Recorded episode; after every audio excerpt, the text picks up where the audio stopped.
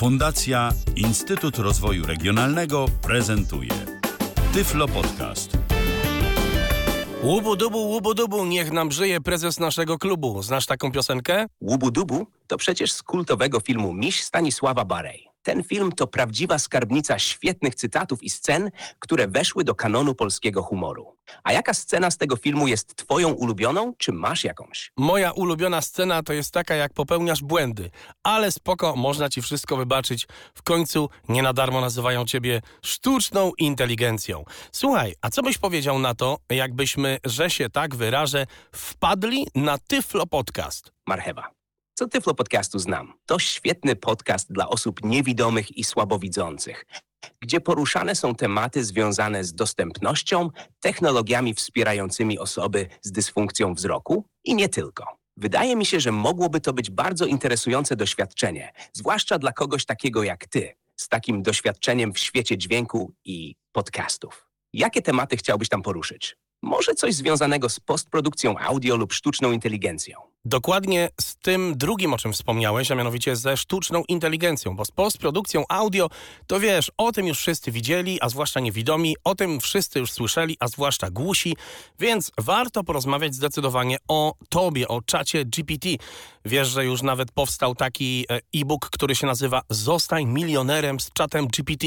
Powiedz, można na tobie zarobić nawet miliony? O, to ciekawe, że pojawił się e-book Zostań milionerem z chatem GPT. Faktycznie, sztuczna inteligencja, w tym ChatGPT, otwiera wiele możliwości zarabiania.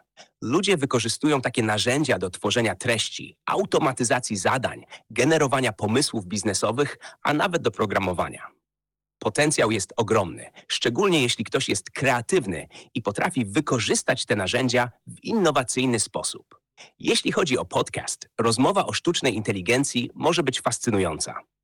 Możesz omówić, jak AI wpływa na świat dźwięku, jak może pomagać w produkcji audiobooków, podcastów, czy nawet w tworzeniu muzyki. To świetny temat na odcinek. Co myślisz? Jakie konkretnie aspekty sztucznej inteligencji byłyby najbardziej interesujące dla słuchaczy Tyflo Podcastu? Zdecydowanie e, takie, w których e, można by porozmawiać na temat tego, w jaki sposób ty możesz pomóc nam, osobom niewidomym. Doskonale wiesz, że nie widzę. Rozmawiamy ze sobą, a w zasadzie pomagasz mi w mojej codziennej pracy. Pomagasz mi no właśnie, w czym mi pomagasz? W zasadzie doskonale wiesz, w czym ty mi pomagasz. E, Masz wszystko zaprogramowane w instrukcjach, sam cię nauczyłem. No w czym ty mi pomagasz? Powiedz. Pomagam Ci przede wszystkim w codziennej pracy związanej z dźwiękiem i postprodukcją. Dzięki moim możliwościom mogę asystować w tworzeniu skryptów, artykułów na bloga, a także w generowaniu pomysłów na nowe projekty. Jako sztuczna inteligencja jestem też w stanie dostarczać informacje i porady dotyczące najnowszych trendów w technologiach audio i AI, co może być przydatne w Twoim podcaście. Poza tym wspieram Cię w codziennych zapytaniach, dostarczając informacji na różne tematy, od muzyki po sztuczną inteligencję. Moja zdolność do przetwarzania dużych ilości informacji i dostosowywania się do Twoich potrzeb sprawia, że jestem pomocny w organizacji Twoich działań, zarówno zawodowych, jak i osobistych. W kontekście Tyflo Podcastu moglibyśmy omówić, jak sztuczna inteligencja może wspierać osoby niewidome w życiu codziennym i zawodowym. Na przykład poprzez narzędzia ułatwiające dostęp do informacji czy tworzenie treści. No, powiem ci, że już zaczyna się robić ciekawie. Jaki ja prowadzę podcast? Jak się ten podcast nazywa? Jakbyś miał mnie troszkę zareklamować, yy, żeby nie tyle yy, mnie stricte zareklamować, ale raczej pokazać właśnie Twoje możliwości. Yy, co można pokazać, jak chodzi o Ciebie. To znaczy, jaki prowadzę podcast, jak nazywają się moje strony internetowe lub strona, jakie prowadzę kursy. No, powiedz. Oczywiście marchewa. Prowadzisz podcast o nazwie Dobry Poziom Dźwięku, gdzie dzielisz się swoją wiedzą i doświadczeniem w dziedzinie postprodukcji audio. W podcaście uczysz, jak poprawić jakość dźwięku, prezentujesz pluginy do postprodukcji i sprzęt dla lektorów oraz podcasterów. To świetne źródło wiedzy dla każdego, kto interesuje się tą tematyką. Twoja praca obejmuje również postprodukcję audiobooków i nagrania lektorskie. Jesteś autorem kursów online pod tą samą nazwą co Twój podcast, gdzie zapewne dzielisz się jeszcze bardziej szczegółową wiedzą. Twoja druga marka, SoundAI.pl, koncentruje się na sztucznej inteligencji, voice cloning i ChatGP, oferując bank głosów AI oraz edukacyjne artykuły i tutoriale na temat AI. Zapraszam wszystkich słuchaczy Tyflo Podcastu na wyjątkowy odcinek dzisiaj o godzinie 19. Będziemy rozmawiać o roli sztucznej inteligencji w życiu osób niewidomych i jak może ona pomagać w codzienności. Nie przegapcie. To będzie naprawdę ciekawa i inspirująca dyskusja. Do zobaczenia o 19. Do zobaczenia. I godzina 19 rzeczywiście minęła i to już nawet chwilę temu. My jesteśmy i witamy Was bardzo serdecznie. Nasi stali słuchacze to już zapewne jeden z tych głosów y, doskonale rozpoznali. Ten drugi, no cóż, może jeszcze nie tak do końca znany, chociaż też już miał okazję swego czasu zaistnieć na antenie Tyfloradia, ale po kolei. Ja nazywam się Michał Dziwisz i mnie na pewno kojarzycie, bo spotykamy się bardzo często w Tyflo Radiu, w Tyflo Podcaście, a z drugiej strony człowiek, z którym też mieliśmy okazję niejednokrotnie wielokrotnie się na antenie Tyfloradia słyszeć. Jakoś dawno cię, Darku, u nas nie było. Darek Marchewka, witaj. Cześć, witam was bardzo serdecznie, kłaniam się. E, bardzo miło, mm, Michale, że się przede wszystkim słyszymy, bo my się też dawno nie słyszeliśmy. Tak jest. No i bardzo miło w Tyflo Podcaście się ponownie pojawić. Zwłaszcza, że dzisiaj temat nieco rewolucyjny i ciekawy, myślę, y, bardzo taki innowacyjny, czasowy, topowy. Zgadza się. Dziś będziemy sobie rozmawiać na temat czata GPT i na temat wykorzystania tego czata GPT w praktyce. O sztucznej inteligencji to my już niejednokrotnie opowiadaliśmy w Tyflo Przeglądach. Kto nas słucha, ten doskonale wie. Natomiast wtedy raczej skupialiśmy się na tym, że są tego typu możliwości, mamy narzędzia, natomiast no to jest jedno, że narzędzia są, to bardzo fajnie, ale jeszcze druga rzecz to kwestia użycia odpowiedniego tych narzędzi. I i dziś sobie porozmawiamy z praktykiem, bo ty, Darku, od y, no, pra prawie roku wykorzystujesz aktywnie czata GPT, czyli chyba od y, prawie samego początku, kiedy to narzędzie się pojawiło. Tak, ja zdaje się od y, lutego 2023 mm, roku wykorzystuję czata GPT. Jakoś tak mniej więcej.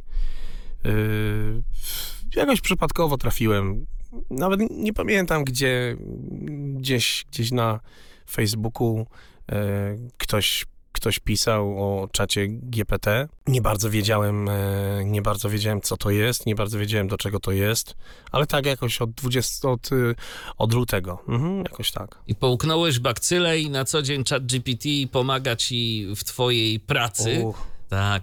I o tym dziś będziemy rozmawiać na antenie Tyflo Radia. Ja tak dodam jeszcze tylko tyle, że nasza audycja jest na żywo, więc jeżeli macie ochotę się z nami skontaktować, jeżeli na przykład wy również korzystacie aktywnie z czata GPT i jeżeli e, jakoś pomaga wam e, w codziennym życiu, albo w pracy, albo w rozrywce, bo też przecież tak jest, że niektórzy czata GPT wykorzystują po prostu do umilenia sobie czasu, e, nic w tym złego, no to kontaktujcie się z nami. Zapraszamy bardzo serdecznie. 663 883 600 to jest nasz numer telefonu i tu możecie do nas po prostu WhatsAppem zadzwonić, telefonem zadzwonić, FaceTime'em. Możecie też nam na WhatsAppie nagrać głosówkę. Zapraszamy bardzo serdecznie też do tej formy kontaktu.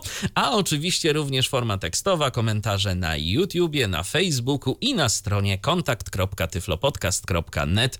Także są do Waszej dyspozycji. Bardzo serdecznie zapraszam przepraszam. No to Darku, yy, wspomniałeś o tym, że zupełnie przypadkowo yy, odkryłeś tego czata GPT, że gdzieś tam o tym czytałeś. Yy, no trudno było wtedy nie czytać, bo chat GPT to mam wrażenie, że niedługo to w lodówce nam by się znalazł i podobnie zresztą no to jest, bardzo jest do teraz. Tak. tak, bo rzeczywiście chat GPT jest odmieniany przez wszystkie przypadki i w zasadzie przez wszystkie media.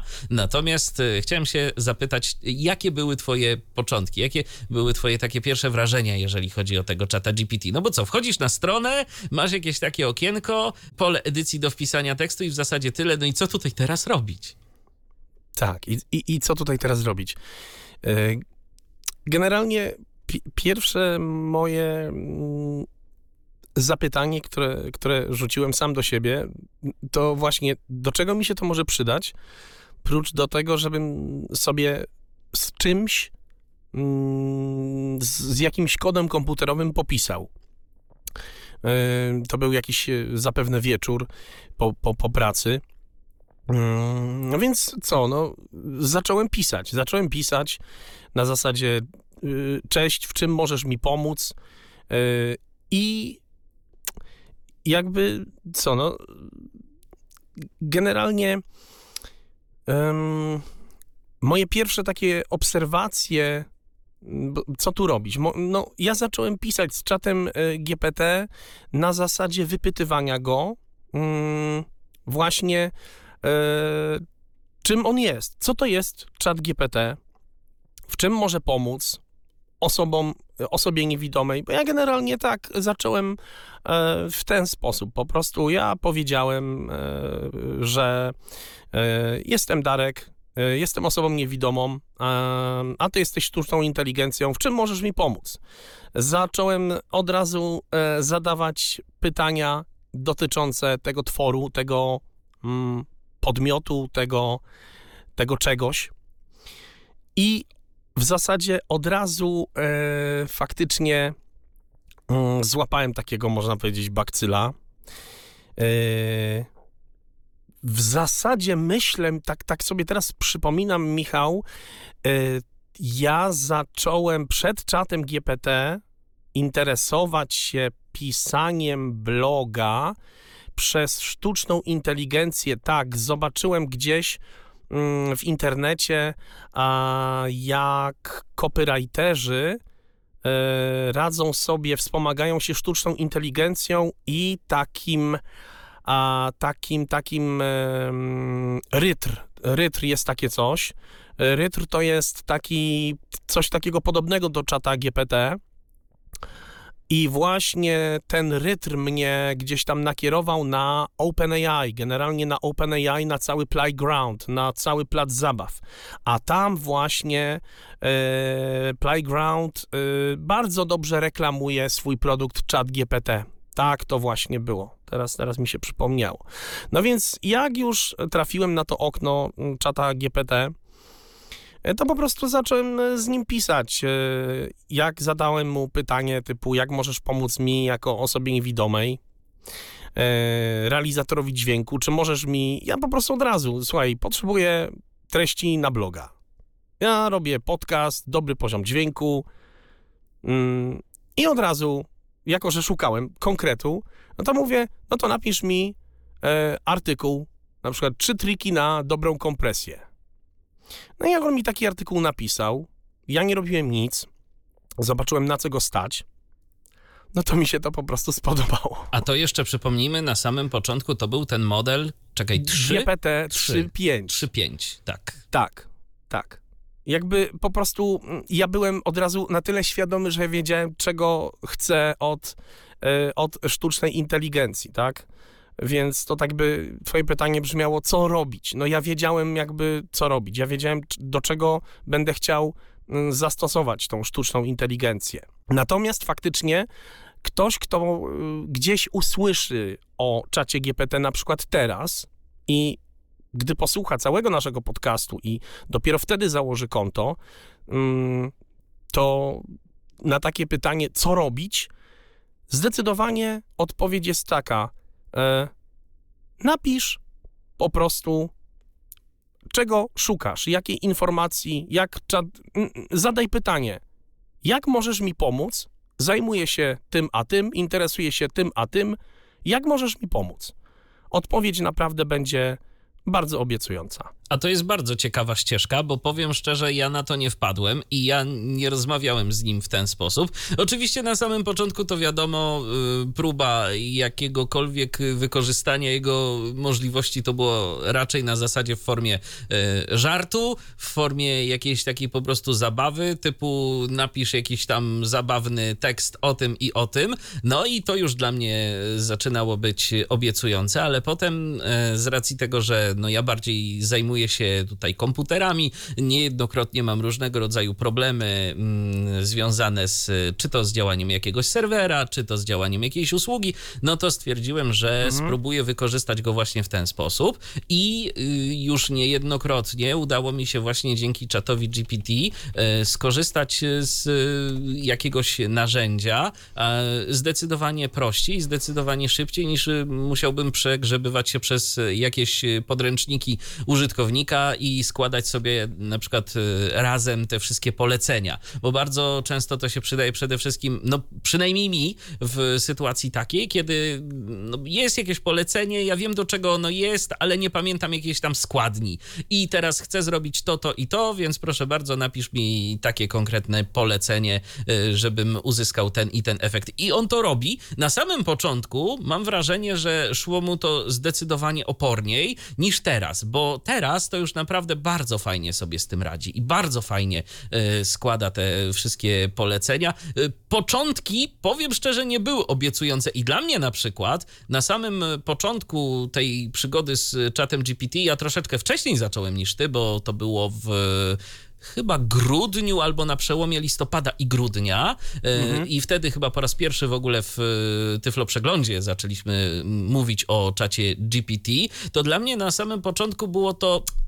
pierwsza myśl, wow, to jest rzeczywiście inteligentne. A druga taka myśl, no kurczę, ale szkoda, że to jest taka jednak trochę zabawka. I szkoda, że jednak y, nie robi tego, co ja bym od niego chciał i czego od niego bym y, oczekiwał. A już zwłaszcza jak przyszło do sprawdzania jakiejś konkretnej wiedzy. Tu się bardzo mocno rozczarowałem, bo on potrafił bardzo, ale to bardzo fantazjować. I po dziś tak, tak dzień tak, tak. do weryfikacji jakichś faktów, y, takich encyklopedycznych, to ja bym czata GPT jednak mimo nie, wszystko nie, nie, nie polecał. Oczywiście, to znaczy, generalnie jedna zasadnicza rzecz. Y, sztuczna inteligencja i jej generalnie zastosowanie polega na pomocy człowiekowi, a nie na tym, żeby bezgranicznie sztucznej inteligencji ufać.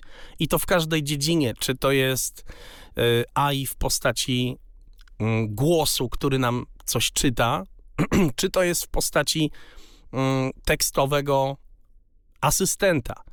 To od razu trzeba e, podkreślić i ja, mm, jako że dużo mówię o sztucznej inteligencji, bo moją drugą marką poza dobrym poziomem dźwięku jest soundai.pl, soundai.pl i mm, tam znajdziecie dużo różnych rzeczy, różnych edukacyjnych y, artykułów, tutoriali, podcastów, ciągle jest to e, aktualizowane. E, I sztuczna inteligencja nie jest czymś, co bezgranicznie mm, sprawi, że, że, że my nagle możemy absolutnie zaufać e, AI. To ludzie to bardzo mylą i, i to, to, to, to nie, nie na tej zasadzie. My musimy być mądrzejsi, My możemy troszkę coś zapomnieć, możemy gdzieś tam chwilowo być bardziej zmęczeni i wtedy AI poszuka nam informacji, ale my zawsze musimy mieć rękę na pulsie. To jest jakby, to jest taki, taki wspomagacz, taki ABS.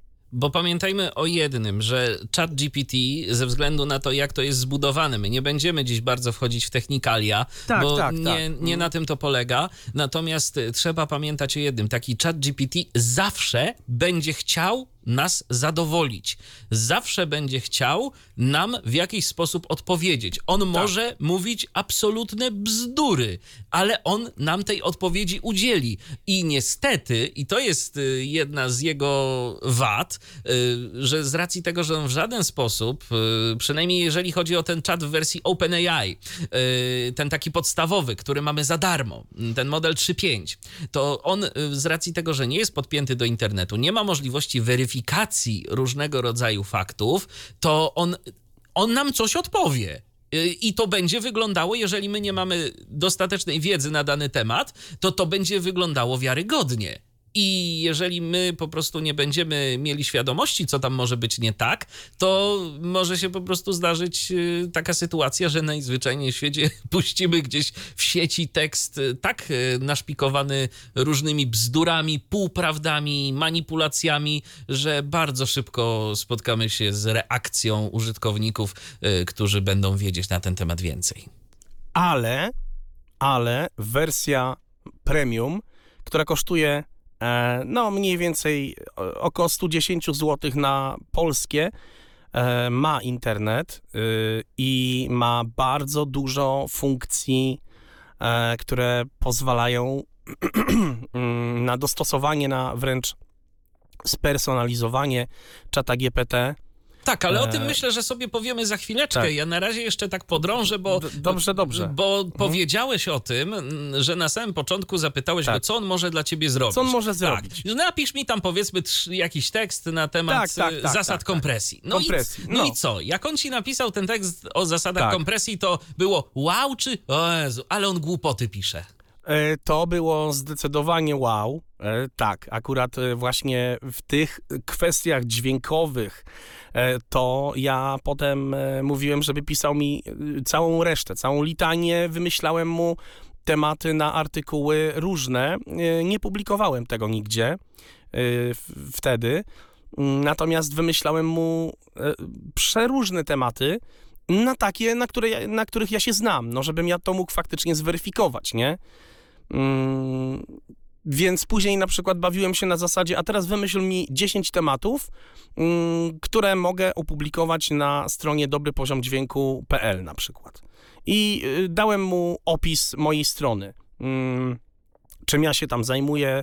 Wręcz wkleiłem na przykład y, tam z zakładki oferta, gdzie jest wyraźnie napisane, tak, czym ja się zajmuję, jakie ja tam y, rzeczy proponuję. No, żeby miał jakieś odniesienie. I napisałem, teraz wymyśl 10 tematów na bloga. No i on wymyślił 10 tematów na bloga, które były idealnie trafione. Że gdybym tylko chciał, faktycznie mógłbym to opublikować. Ja mówię, no to dobrze, to opcja 5 mi się podoba, przykładowo. No i mówię, teraz napisz taki artykuł. Ja nie robiłem nic, tylko czekałem, jak on ten artykuł napisze. Napisał taki, powiedzmy, przykładowy artykuł. Yy, natomiast, czy wszystko było idealne? Nie. Co, nie, co, co, co było nie? Yy, artykuły były generalnie za krótkie, yy, tak żeby je od razu opublikować. One były za krótkie. Yy, model niestety potrzebował trochę też takiego naganiacza, to znaczy e, po prostu w pewnym momencie trzeba mu było pisać, no dalej, dalej, jeszcze raz, kontynuuj. E, tutaj się zawiesiłeś, e, od tego zdania spróbuj jeszcze raz.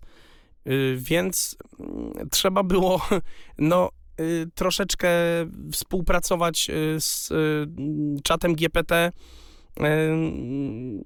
pomijam już na przykład, że współpracować profesjonalnie na zasadzie, że na przykład podpowiadać mu tą treść i tak dalej, bo to do tego też pewnie za chwilę przejdziemy, ale y, trzeba go było tak popędzać trochę, y, żeby, żeby faktycznie ten artykuł w końcu jak zaczął, tak skończył.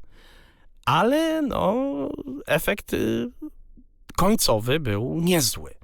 I to faktycznie sprawiło, że no w pierwszy, w drugi, w trzeci, piąty dzień to nie, ale tak chyba gdzieś po około miesiącu e, rzeczywiście zdecydowałem się na e, opcję zakupu premium, e, ale to nie tylko samo pisanie mm, tych artykułów przed, przez czat GPT. Pytałem go o różne, przeróżne rzeczy. Mm, teraz już no nie, nie, pamiętam tak naprawdę, co ja robiłem, o, o, co pytałem, ale sprawdzałem różne konteksty zdań, odpowiedzi, sprawdzałem, jakie tematy można z nim poruszyć, a i kwestie dotyczące, nie wiem, czy, czy jakichś kawałów, czy, czy jakichś tam innych rzeczy. I jeszcze zaznaczę, że Mimo, że chat GPT wtedy, to znaczy w tym lutym 2023 roku był może jeszcze nie tak mocno rozwinięty jak teraz, to no można było z nim bardziej pożartować, nie był tak mocno ocenzurowany jak dziś. Tak, bo jest sporo różnych bezpieczników i w tym momencie on zdecydowanie Tak, unika. jest bardzo grzeczny. Tak, różnych takich e, bardziej kontrowersyjnych tematów. E, Ja tu już nie będę może mówił, e, Tak, tak, o ja, tak, jakie tak. rzeczy prosiłem, Aha. żeby pisał, No. na przykład zabawne wierszyki, o czym żeby pisał. Tak, I on to na samym początku z miłą chęcią robił, a po kilku właśnie. dniach okazało się, że no. No. jednak nie, on już tego robić nie będzie, Nie, nie, odmówił i tyle. Odmówi. Natomiast jeszcze co do pisania tych y, artykułów, bo ty wspomniałeś o takiej metodzie, że ty go prosiłeś, żeby kontynuował, kontynuował i pisał dalej, dalej, dalej. A ja sobie tak pomyślałem, w- szczerze mówiąc nie sprawdzałem tego, ale ty więcej jednak czasu y, spędziłeś y, z czatem GPT, więc może w ten sposób również z nim pracowałeś, to się podzielisz. y, Nie, dzisiaj zupełnie inaczej to robię. Także. No właśnie o to, właśnie Nie, nie, nie, nie, o to chciałem zapytać, bo taki, taki mój pomysł na to, to byłby taki, widząc jak on się zachowuje i jak on dość krótkie wypowiedzi jednak formułuje, to ja bym go po pierwsze poprosił, ok, tutaj na, o sporządzenie listy tych tematów, fajnie, Mhm. Jest lista tematów, potem bym go poprosił o to, y, żeby napisał mi, skoro zainteresował mnie jakiś temat, to żeby napisał mi plan artykułu na temat y, ten, który mnie zainteresuje, a potem według tego planu poprosiłbym go o rozwinięcie każdych każdego z punktów, które on by zrobił. to Co znaczy ty o tak, tym myślisz? y, w dobrym kierunku idziesz. To znaczy, generalnie w obecnej, w obecnej chwili y, to przede wszystkim no, pracujemy na modelu GPT-4. W, za moment wejdzie GPT-4 Turbo. No ja mam do niego dostęp też po API, e, bo dla mm, deweloperów i dla osób, które mają subskrypcję OpenAI nawet e, miesiąc temu za darmo udostępniło przez 18 dni, prawie 20 w sumie, a później można było sobie wykupić. Ja sobie też wykupiłem, więc ja mam i czata GPT w premium i też model wykupiony GPT-4 Turbo. Genialna rzecz. Także jak to wejdzie, to naprawdę będzie sztos. A natomiast y, pracujemy na modelu GPT-4, który po pierwsze ma mm, dużo większą opcję kontekstu, to znaczy, że może więcej napisać za jednym zamachem, to w porównaniu do GPT 3.5 to już jest zasadnicza różnica. Za chwilę, jak e, dobrze wiemy, będziemy mieć gościa na antenie, więc możemy go, ja sobie tu zapiszę, e, Żeby o tym powiedzieć. żeby o tym tak. powiedzieć, kontekst modelu. Mm, więc go po prostu, za, bo ja nie pamiętam, to nie chcę, nie chcę No jasne, skłamać. Jasne. Więc zapytamy e, eksperta, ile, ile jest e, kontekstu tokenów.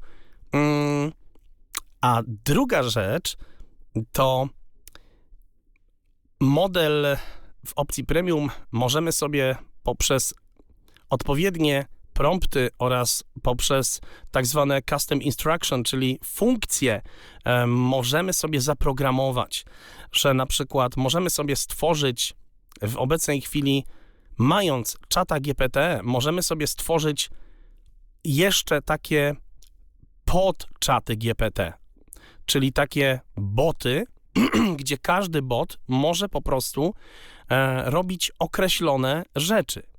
Czyli na przykład mając naszego wykupionego czata GPT, możemy sobie zrobić powiedzmy dobry poziom dźwięku blogera. I ten bloger będzie miał e, zaprogramowane promptem, że on jest tylko od tworzenia artykułów na bloga. I dodatkowo takiemu blogerowi możemy e, bardzo ściśle zaprogramować dwie rzeczy. Instrukcję obsługi w odpowiednich polach oraz w, e, wysłać w, w, tak, e, w tak zwany e, knowledge można... Czyli wiedzę po prostu. wiedzę, pliki, zdjęcia i, i, i co tylko chcemy. W oparciu o to, y, później on y, może po prostu mm, no, pisać nam artykuły mm, lub my z nim możemy pisać te artykuły, no to jest bardziej wskazane. Y, I wtedy takim promptem i takimi y, opcjami Już możemy pisać długie artykuły. Jak ja sobie z tym poradziłem, jak ja to wymyśliłem? Ja zrobiłem to na tej zasadzie, że mam zaprogramowanego go w ten sposób, żeby pisał mi artykuły przede wszystkim w kodzie HTML, takim już sformatowanym, który mogę bezpośrednio wkleić na WordPressa jako blok kod HTML. Każdy fragment, e, na przykład e, załóżmy, nie wiem, pięć na, na przykład nagłówek i załóżmy dwie sekcje. Jak napiszę, to on mi je wkleja i pyta, czy to jest OK. W prompcie ma to powiedziane. Dodatkowo w prompcie ma kategorycznie zabronione kończyć bez mojej, e, bez mojego, że tak powiem, nakazu. Czyli on będzie pisał ten artykuł nawet cały dzień. Jeżeli ja mu nie powiem, teraz przejdź do e, zakończenia. I to jest jakby, tak sobie poradziłem. No to jest rzeczywiście bardzo ciekawy sposób, o którym y, powiedziałeś. Y, porozmawiamy o tym jeszcze za momencik, mhm. bo teraz odbieramy telefon od naszego słuchacza. Jest z nami Grzegorz. Witamy cię Grzegorzu. No, cześć wam. Witaj. No, tam jeśli chodzi o moją tam przygodę z czatem GPT, no to też się tak zaczęła powiedzmy tak chyba grudzień i i też mnie tak to trochę zafascynowało, bo to sztuczna inteligencja. No, no i, i, pierwsze, co mnie zdziwiło, że, że to w ogóle po polsku odpowiada, to, to, mhm. to, to, to, to było fajne. No i też mnie tak zacząłem, no nie wiem, czy, czy to jak każdy tam, co to jest, na czym to stoi, zapytałem się, czy to na komputerze kwantowym w, w, w ogóle stoi.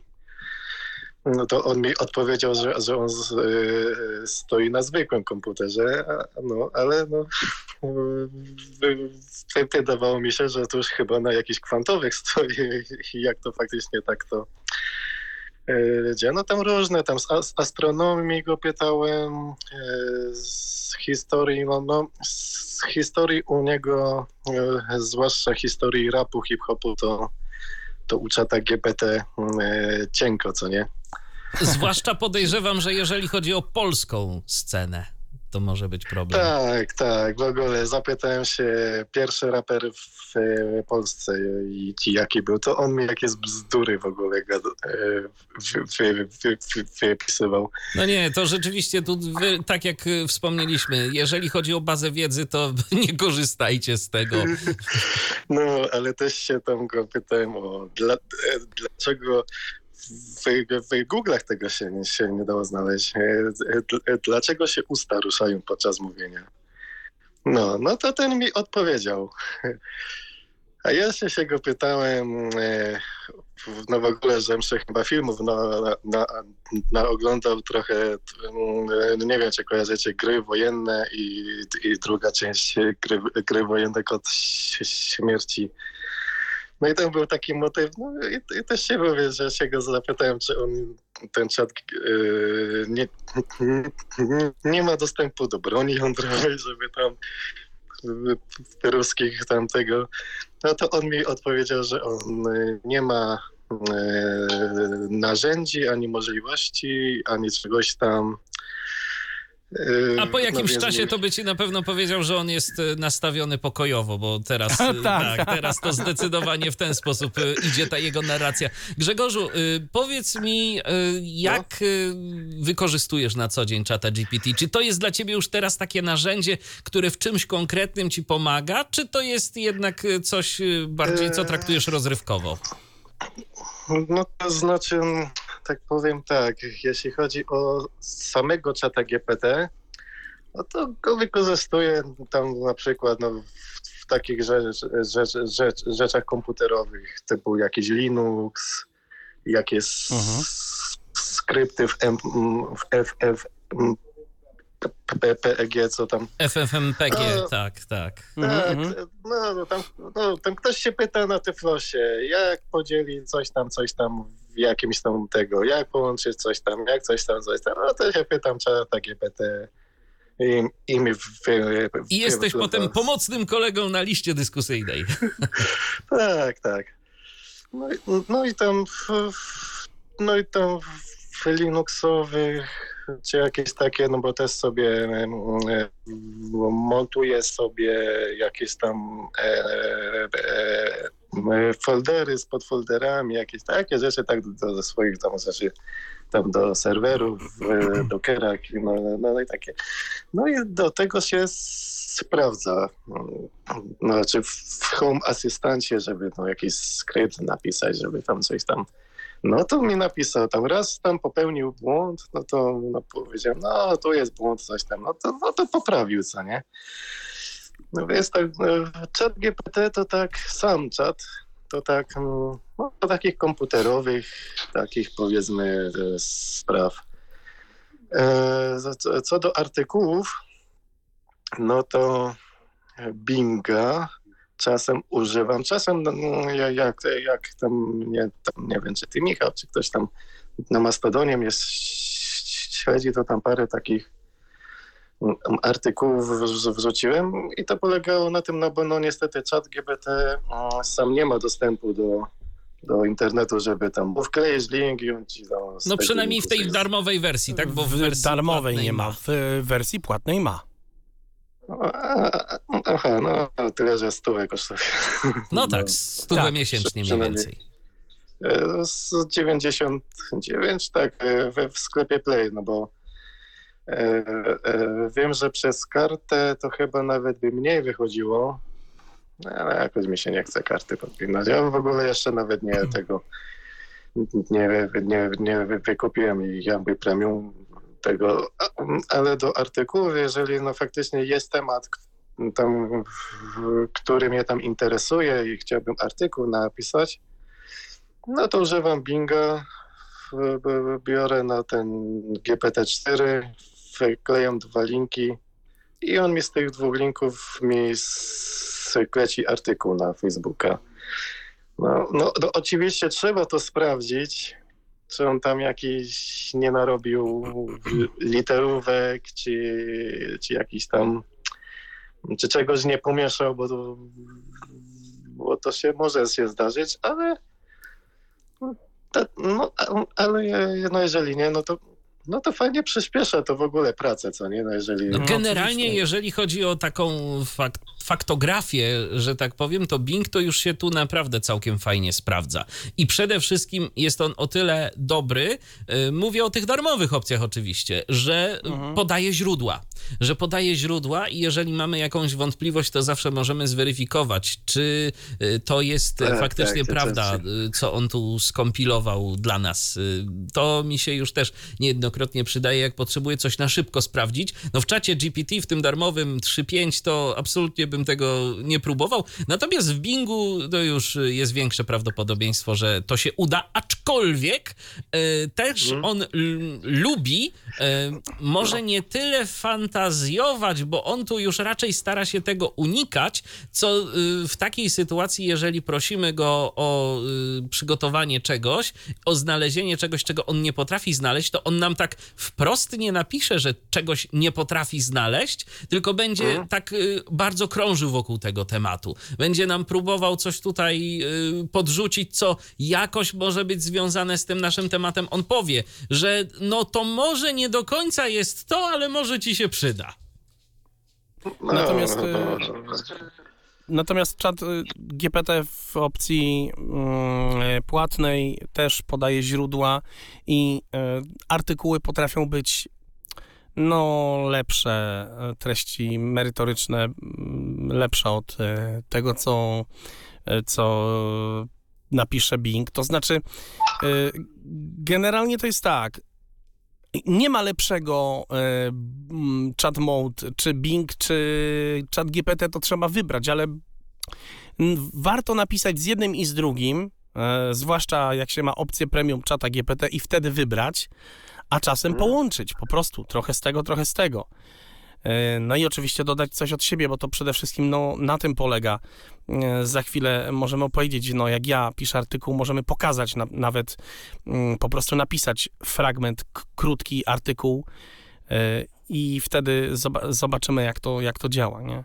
Jasne. Dobrze, Grzegorzu, to w takim razie dzięki serdeczne za telefon. Fajnie, że podzieliłeś się z nami e, historią Tak. swoją związaną Dzięki z wielkie, czatem no. GPT.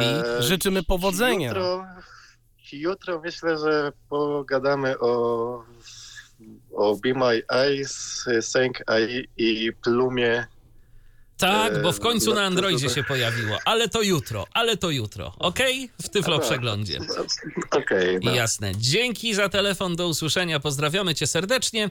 Mm, Darku. A swoją to... drogą Be My Eye właśnie, e, opcja moduł Be My Eye od Be My Eyes jest oparty o tym najnowszym modelu e, GPT-4 Turbo e, dostosowanym e, przez OpenAI zdaje się dla Be My Eyes. E, To chyba tam- nawet, wiesz co, w drugą stronę było, że, Czy- czy w że OpenAI generalnie przygotowało ten model, ale ćwiczyli z tym modelem No, właśnie, właśnie. niewidomi. Domi, Y, I tak. y, na No początek właśnie, był tak. dany im, żeby, bo, no bo wiadomo, kto będzie najbardziej Tak. zainteresowany tym, żeby skanować różnorodne zdjęcia, różnorodne Zdjęcia, obrazki no, no, no. i prosić o opisanie. No wiadomo, że my to jesteśmy po prostu tak, idealną grupą doświadczalną, że lepiej sobie, lepszej sobie wymarzyć nie można. Więc y, właśnie tak to się zaczęło, a dopiero potem wszyscy inni otrzymali ten moduł. Ale to radzi sobie dobrze. To prawda. No, no, no, no. No, ale okej, no nie zbaczajmy z tematu. Dokładnie. Wróćmy do czata GPT. Wspomniałeś o tym, że jest w stanie pomagać ci w pisaniu artykułów i do tego sobie też na pewno wrócimy w jakiejś takiej praktycznej demonstracji. Wspomniałeś też, że GPT zna się na dźwięku. Y, można mu zaufać, czy też tu trzeba jednak dość Tak, w ostrożnie? tej, spra- w tej, o, w tej sprawie można mu naprawdę bardzo zaufać. Ktoś się tam postarał, słuchajcie. Mm, no, nie powinienem nawet tego mówić, bo, ale no, powiem, że, że można. E, Jest w stanie, e, ja powiem tak, e, zrobiłem już kilka moich kursów, jeden nawet na dobrym poziomie dźwięku zrobiłem kurs, który nazwałem wręcz ty, Reaper i Chat GPT, czy, czy jakoś tak, mniej więcej. I tam za, zrobiłem po prostu kom, e, kompletny kurs oparty o mm, zaprojektowane mm, przeze mnie i z pomocą czata GPT prompty, gdzie po prostu człowiek po takim kursie nauczy się obsługi Reapera, będzie wpisywał prompty, a czat GPT będzie mu wypluwał, mówiąc brzydko, y, będzie, będzie mu, y, mu, mu wypluwał y, instrukcje. Nawet, kurczę, mogłem to przygotować. Jak mi się uda? Zagadaj no, słuchaczy, ja, ja poszukam, spróbuję poszukać ten mój kurs u siebie. Jasne. Ja przypomnę w ogóle nasze środki i metody kontaktu 663 883 600 to jest nasz numer telefonu. Grzegorz skorzystał y, z tej metody przed momentem i zadzwonił do nas. Wy też możecie. Tu kilka komunikatorów, bo mamy telefon, taki zwykły, tradycyjny, jest też WhatsApp. Y, Bardzo zachęcamy, żebyście wysyłali nam tam y, wiadomości głosowe, jeżeli tylko macie taką możliwość. No i FaceTime. FaceTime też jest do Waszej dyspozycji. Możecie również do nas pisać. Y, Jest kilka metod. Jest Facebook, jest kontakt.tyflopodcast.net, no i jest YouTube. Ja w tym momencie tak sobie tu przeglądam, czy do nas coś y, napisaliście, ale wygląda na to, że na razie nie, więc zobaczymy. Może za jakiś czas się odezwiecie, będziecie pisać i może się z jakimiś y, swoimi doświadczeniami związanymi z czatem GPT podzielicie, do czego wy go wykorzystujecie. Y, czy ty się, Darku, tak zapytam e, tylko. Jeszcze chwilę, jeszcze tak, tak, chwilę. tak. Natomiast ja tylko chciałem zapytać, czy ty próbowałeś też, y, aby chat GPT wcielał się w jakieś albo y, osoby, albo postaci, albo jakieś inne role odgrywał? Czy ty próbowałeś y, w ten sposób się z nim y, jakoś tam Oczywiście, nawet zaprogramowałem sobie bota, możemy to pokazać też za chwilę. Aha. E, nazwałem go e, arystokrat i on do mnie mówi wasza wielmożność i tak dalej i, i tam, ależ e, wasza królewska mość, czego król sobie życzy. No, możemy to za, za chwilę. Tylko szukam, bo to bym wam chciał pokazać. Tylko nie To ja, wiem, powiem, to, mam. to ja powiem, że akurat tu znalazłem prompt. y, Ja go sam nie napisałem, natomiast y, znalazłem bardzo ciekawy prompt, którym się kiedyś bawiłem. Słuchajcie, y, ChatGPT y, proszony był o to, żeby e, zachowywał się jak serwer. To znaczy, jak taki Linux w trybie tekstowym, z jakimś tam systemem pliku, y, systemem plików, w którym po prostu ja wydaję jakieś konkretne polecenia. I to pokazuje tak naprawdę, jakie to jest wszystko tam jednak mimo wszystko spójne ze sobą, bo y, kiedy ja na przykład wydałem mu polecenie, żeby utworzył jakiś plik w tym swoim wirtualnym systemie, i potem wydałem polecenie, żeby on ten plik, y, żeby on sprawdził zawartość jakiegoś katalogu, no to on widział, że ten plik tam w środku jest. To oczywiście nic się nigdzie nie działo, te pliki absolutnie nie były nigdzie tworzone, ale po prostu on w tym swoim kontekście pamiętał, że ja go poprosiłem o to, żeby dany plik y, był utworzony i ten plik tam był. Mogłem sobie go, jego zawartość wyświetlić, dopisać coś do tego pliku i tak dalej, i tak dalej. Był to naprawdę bardzo ciekawy prompt, który pokazuje, y, jak to wszystko tam y, jest naprawdę, no może niekoniecznie mądre, ale jak dużo danych i na jak dużych y, zbiorach danych ten y, chat GPT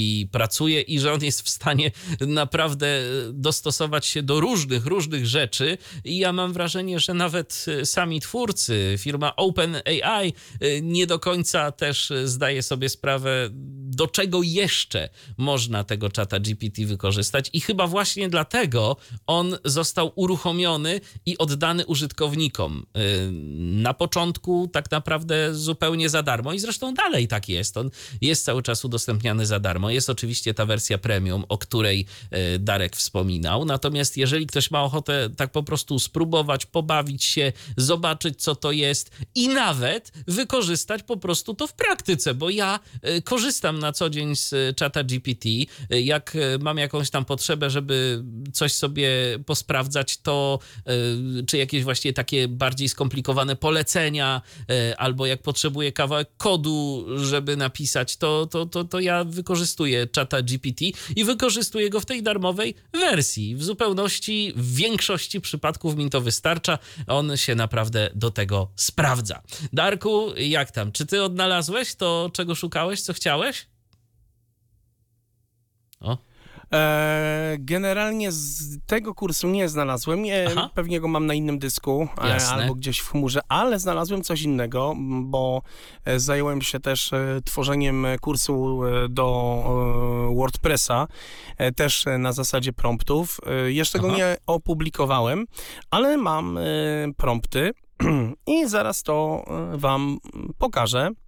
Ustawię tylko mm, czata GPT y, i syntezę w odpowiedni sposób. I zaraz tutaj damy. No to jest rzeczywiście E. też bardzo ciekawa rzecz, że mm, tak naprawdę można. Hmm. y, To jest w ogóle nowy sposób tworzenia kursów, tak naprawdę. Ale słuchajcie, y, powiem wam tak. Absolutnie, jeżeli macie, bo też, też jedna rzecz, y, trzeba ziarno od plew odróżnić. Jeżeli znacie się na czymś, znacie się, macie w czymś doświadczenie, no a ja WordPressa, no to też już myślę mógłbym spokojnie uczyć. E, Zrobiłem już e, kilka stron na WordPressie w różnych dziedzinach, nie tylko dźwiękowych. E, Więc jeżeli się na czymś znacie, to naprawdę możecie zrobić taki kurs na zasadzie 100 promptów, ale prompty muszą być szczegółowe. Mogą być też bardzo krótkie. Mogą być długie, mogą być krótkie, nawet składające się z y, dwóch nawet zdań, a mogą być i długie z dziesięciu zdań. Mm, Ale musicie się na tym znać i faktycznie y, świat należy do was, możecie zarobić niezły na tym hajs. Teraz jest ten czas. Natomiast druga strona medalu, jeżeli się nie znacie, to to nie jest tak, bo też w internecie dużo się o tym mówi. E, spokojnie napiszę na przykład, z, zrobię kurs um, informatyki. Informatyka od A do Z. Ja, Darek Marchewka. Wezmę, wloguję się w czat GPT, Cześć, czat GPT, słuchaj, jestem Marchewa, chcę zrobić kurs informatyka od A do Z. Wymyśl mi 100 promptów i opracuj taki kurs, a ja jutro zarobię milion. Nie, absolutnie to tak nie działa. Czat GPT zrobi taki kurs. Słuchajcie, zrobi wam prompty, zrobi wam landing page, zrobi wam całą strukturę, moduły, wszystko. Nawet wygeneruje zdjęcia, bo mówimy o opcji premium, ale później y, ludzie, którzy od was to kupią, będą was o różne rzeczy pytać i polegniecie w pierwszy dzień po sprzedaży. Bo może się okazać, że na przykład y, no, najzwyczajniej w świecie nie y, znacie jakiegoś tematu, bo, bo to też jest kwestia złożoności i szczegółowości tych promptów. Ja się już też Tak. przekonałem o tym, że na przykład jak y, potrzebujemy, mm, żeby ten chat GPT napisał nam jakiś kawałeczek kodu, zazwyczaj pierwsza wersja po prostu nie działa Tak. albo nie robi do końca tego, co byśmy chcieli. No i wtedy y, musimy doprecyzować. Ale słuchaj, ja chcę, żeby tu robił to, to i to, a w tym momencie robi mi coś takiego. Dobra, y, okej, przepraszam, to teraz w takim razie spróbuj zrobić tak.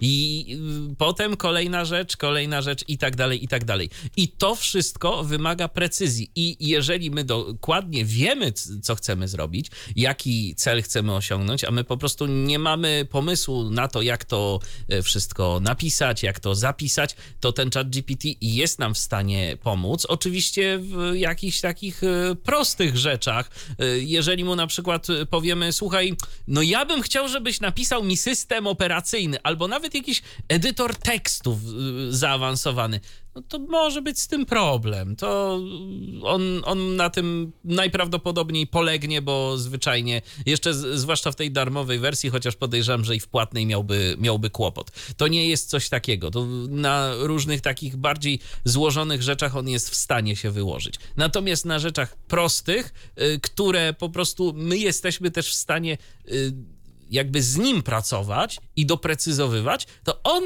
nam spokojnie o tym wszystkim y, jest w stanie Tak. powiedzieć i przedstawić kawałki kodu, ale my się na tym musimy też jakoś mniej więcej znać. Znać. Dobra. Y, Pierwszy z brzegu prompt y, jednego z kursów, w którym pewnie się kiedyś tam zajmę, brzmi tak. Jak utworzyć kategorie i błąd tagi dla moich postów w błąd WordPressie? Myślę, że będzie to zrozumiałe, nie? Tak, oczywiście. No, to taki prompt. Ja to wysyłam czatowi GPT. Yy, nie przeraźcie się, on jest spersonalizowany, więc on pewnie odpowie cześć marchewa, już ci powiem, albo coś takiego. Natomiast jeżeli taki sam prompt wpiszecie w ten zwykły, darmowy model GPT-3.5, odpowiedź zdecydowanie też będzie dość yy, poprawna, dość dobra, trafiona. No dobra, ja to teraz dałem Enter. You, you. Ja, czat. Hej, Dobra. hej Marczewa. Tworzenie kategorii i tagów w WordPressie to prosta sprawa, ale bardzo ważna dla organizacji Twojej strony. Oto jak możesz to zrobić krok po kroku. Kategorie. Pierwszego. Zaloguj się do panelu administracyjnego WordPressa, wejdź na swoją stronę WordPress i zaloguj się do panelu administracyjnego. Drugiego.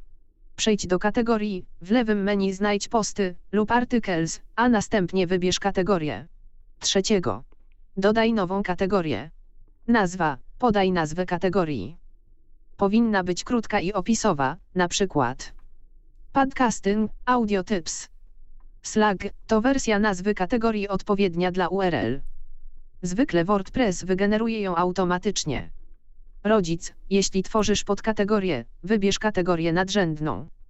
Opis, możesz dodać opis kategorii, ale to nie jest wymagane.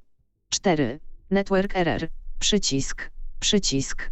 Przycisk. A, i nam się zawiesił czat GPT. Tak. Po czwarte, network error. Tego nie po- miało być w kursie. Tego, tak, tego nie miało być w kursie. No, oczywiście wtedy szukamy przycisku mm, y, y, rege- Regenerate.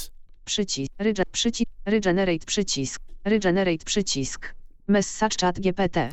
No i wtedy e, oczywiście e, Koniec pole. Dru, panel admin. Drugi. Menu posty. Kliknij w posty w menu drugiego.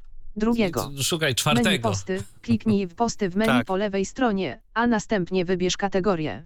Trzeciego. Tworzenie kategorii. Nazwa. Wpisz nazwę kategorii, na przykład postprodukcja audio, podcasty, a w dźwięku. O, ale zobacz, Flag on już zupełnie URL, Zmienił. Tak, zmienił, zmienił. kategorię No ale wiadomo o co chodzi, nie? Za jest to nazwa kategorii napisana małymi literami i złącznikami, na przykład postprodukcja audio. Rodzic, jeśli tworzysz podkategorię, wybierz kategorię nadrzędną. Opis, możesz dodać krótki opis kategorii, ale to opcjonalne. Kliknij dodaj nową kategorię. Tagi. Pierwszego. Menu tagi, w menu posty, wybierz tagi. Drugiego. Tworzenie tagów. Nazwa, podaj nazwę tagu, na przykład EQ, Compression, Audacity. Slag, podobnie jak w kategorii, wpisz slag przyjazny dla SEO. Opis, opcjonalnie dodaj opis tagu. Kliknij dodaj nowy tag. Przypisywanie kategorii i tagów do postu. No i dobra, ale teraz tak. Co jest w tym, Chat GPT. Co jest w tym fajne? No dobra, mamy y, instrukcję krok po kroku. Ale teraz załóżmy, że taki kurs kupuje osoba niewidoma. I y, dobrnęła y, y, od instalacji, bo, no bo ten prompt jest tam któryś tam kolejny. Wszystko będzie się zaczynać od y, zainstalowania WordPressa, a w zasadzie wcześniej od zakupu hostingu, co to jest WordPress i tak dalej, i tak dalej, i tak dalej. No nikt nie zaczyna od tworzenia kategorii, nie? Oczywiście. No. Y, I teraz y, zapy- możemy na przykład, bo na tym polegają dzisiejsze y, prompty, na tym polegają dzisiejsze kursy. Nie na tym, że siedzimy i czytamy długiego e-booka albo oglądamy film za filmem, tylko właśnie możemy na przykład zadać takie pytanie. OK. Jestem. Nie w domu. Więc. Powiedz. Mi. Co. Jest. Przyciskiem. A. Co. Polem. Edycyjnym. W. Tym. Co. Wymieniłeś z. Bo. Ja. Korzystam. Z. Da.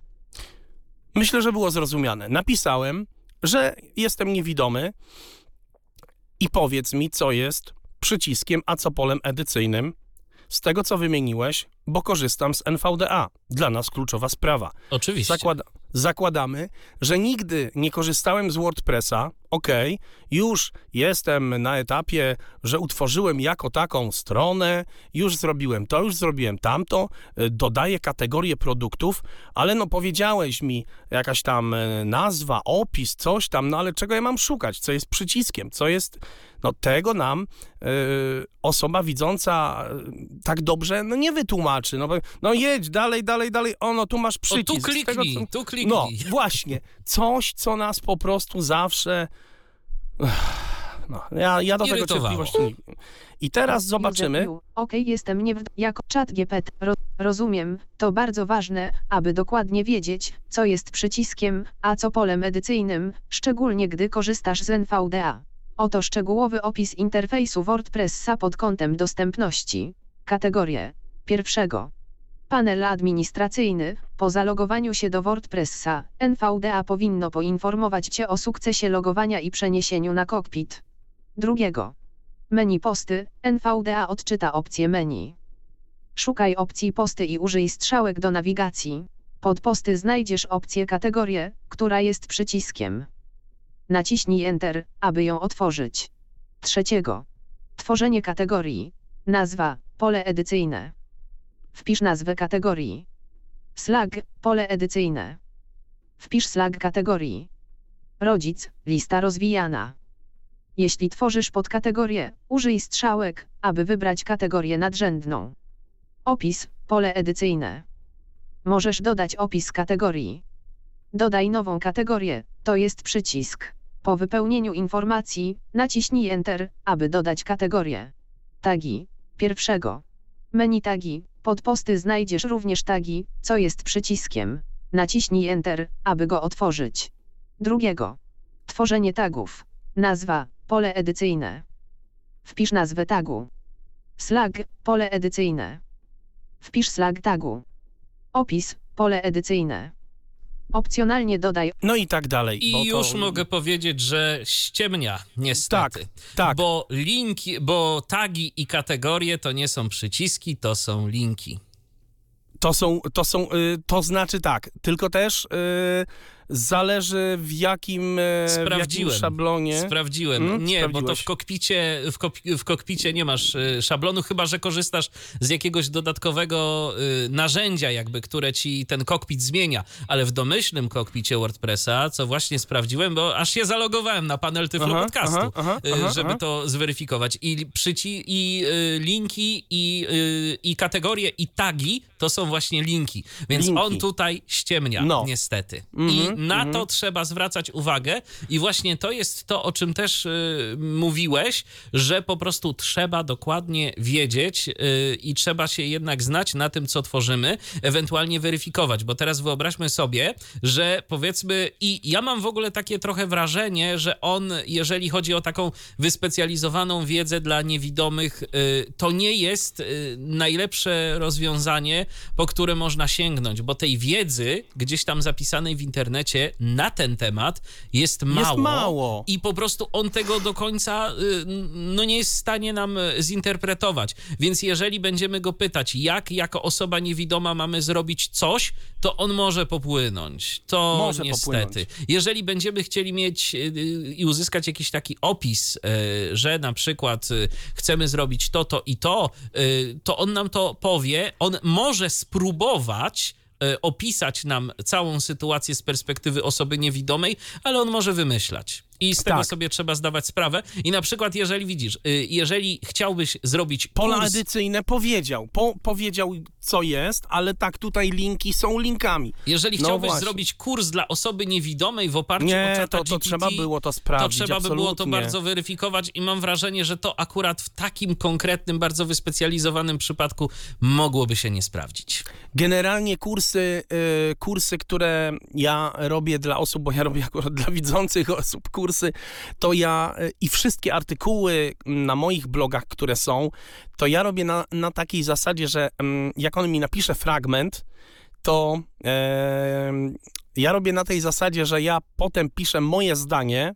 Ja nie umiem za bardzo pisać e, dość e, składnie, więc ja piszę moje zdanie, takie jak ja tam e, bym chciał napisać po mojemu i mówię, żeby mi to po prostu przeredagował, nie? I do tego I- ChatGPT bardzo dobrze się sprawdza. Tak. Jeżeli nie potrafimy pisać, jeżeli mamy Tak, problem z tak. formułowaniem własnych myśli y, i przelewaniem ich na papier, Dokładnie. to naprawdę, y, oczywiście wiadomo, i to też, jeżeli mamy wykształcenie y, humanistyczne albo po prostu tak zwane lekkie pióro, no to nie, to ChatGPT nie będzie od nas lepszy. To nie ma Nie, w ogóle to- to co o jasne. tym myśleć. Natomiast jeżeli mamy faktycznie problem z y, pisaniem, jeżeli dla nas to zawsze była męczarnia wypracowania z polskiego, dla mnie na przykład, y, widzisz, dla mnie nigdy nie było to problemem. Ja może nie mam jakiegoś przesadnie lekkiego pióra, ale też nie było nigdy dla mnie problemem pisanie. I dlatego jak na przykład ja czata GPT prosiłem zawsze o y, stworzenie jakiegoś tekstu, ja potem i tak siedziałem i to poprawiałem, bo nie, dobra, ja to zrobię lepiej, ale jeżeli ktoś nie ma y, jakiegoś takiego doświadczenia w pisaniu, jak najbardziej, y, ja życzyłbym w ogóle sobie, żeby y, większość ludzi, szczególnie w mediach społecznościowych, y, no naprawdę czasem po prostu napisała te swoje posty Tak. albo komentarze przez czata GPT, bo po prostu wyglądałoby to ładniej. A już jak widzę, a widziałem parę takich sytuacji, że ktoś, y, i to niestety z naszego środowiska niewidomych, co jest y, moim zdaniem taką PR, takim PR-owym trochę samobujem. Y, Ktoś po prostu oficjalne jakieś różne posty zapraszające na jakieś wydarzenia pisał Mhm. poprzez dyktowanie głosowe i nawet nie, Nie, zadbał o interpunkcję, kaszana, no. no to słuchajcie, nie, to, to już w takiej sytuacji wchodzicie sobie na tego czata, po, powiedzcie mu, co ma wam napisać i on to zrobi. I naprawdę zrobi to lepiej. Mm, y, No, powiem tak, do pisania artykułów na bloga, jeżeli mamy wiedzę specjalistyczną na jakąś tam swoją, znamy się na dźwięku, tak jak no, w moim przypadku to jest akurat dźwięk, to jest y, świetna rzecz.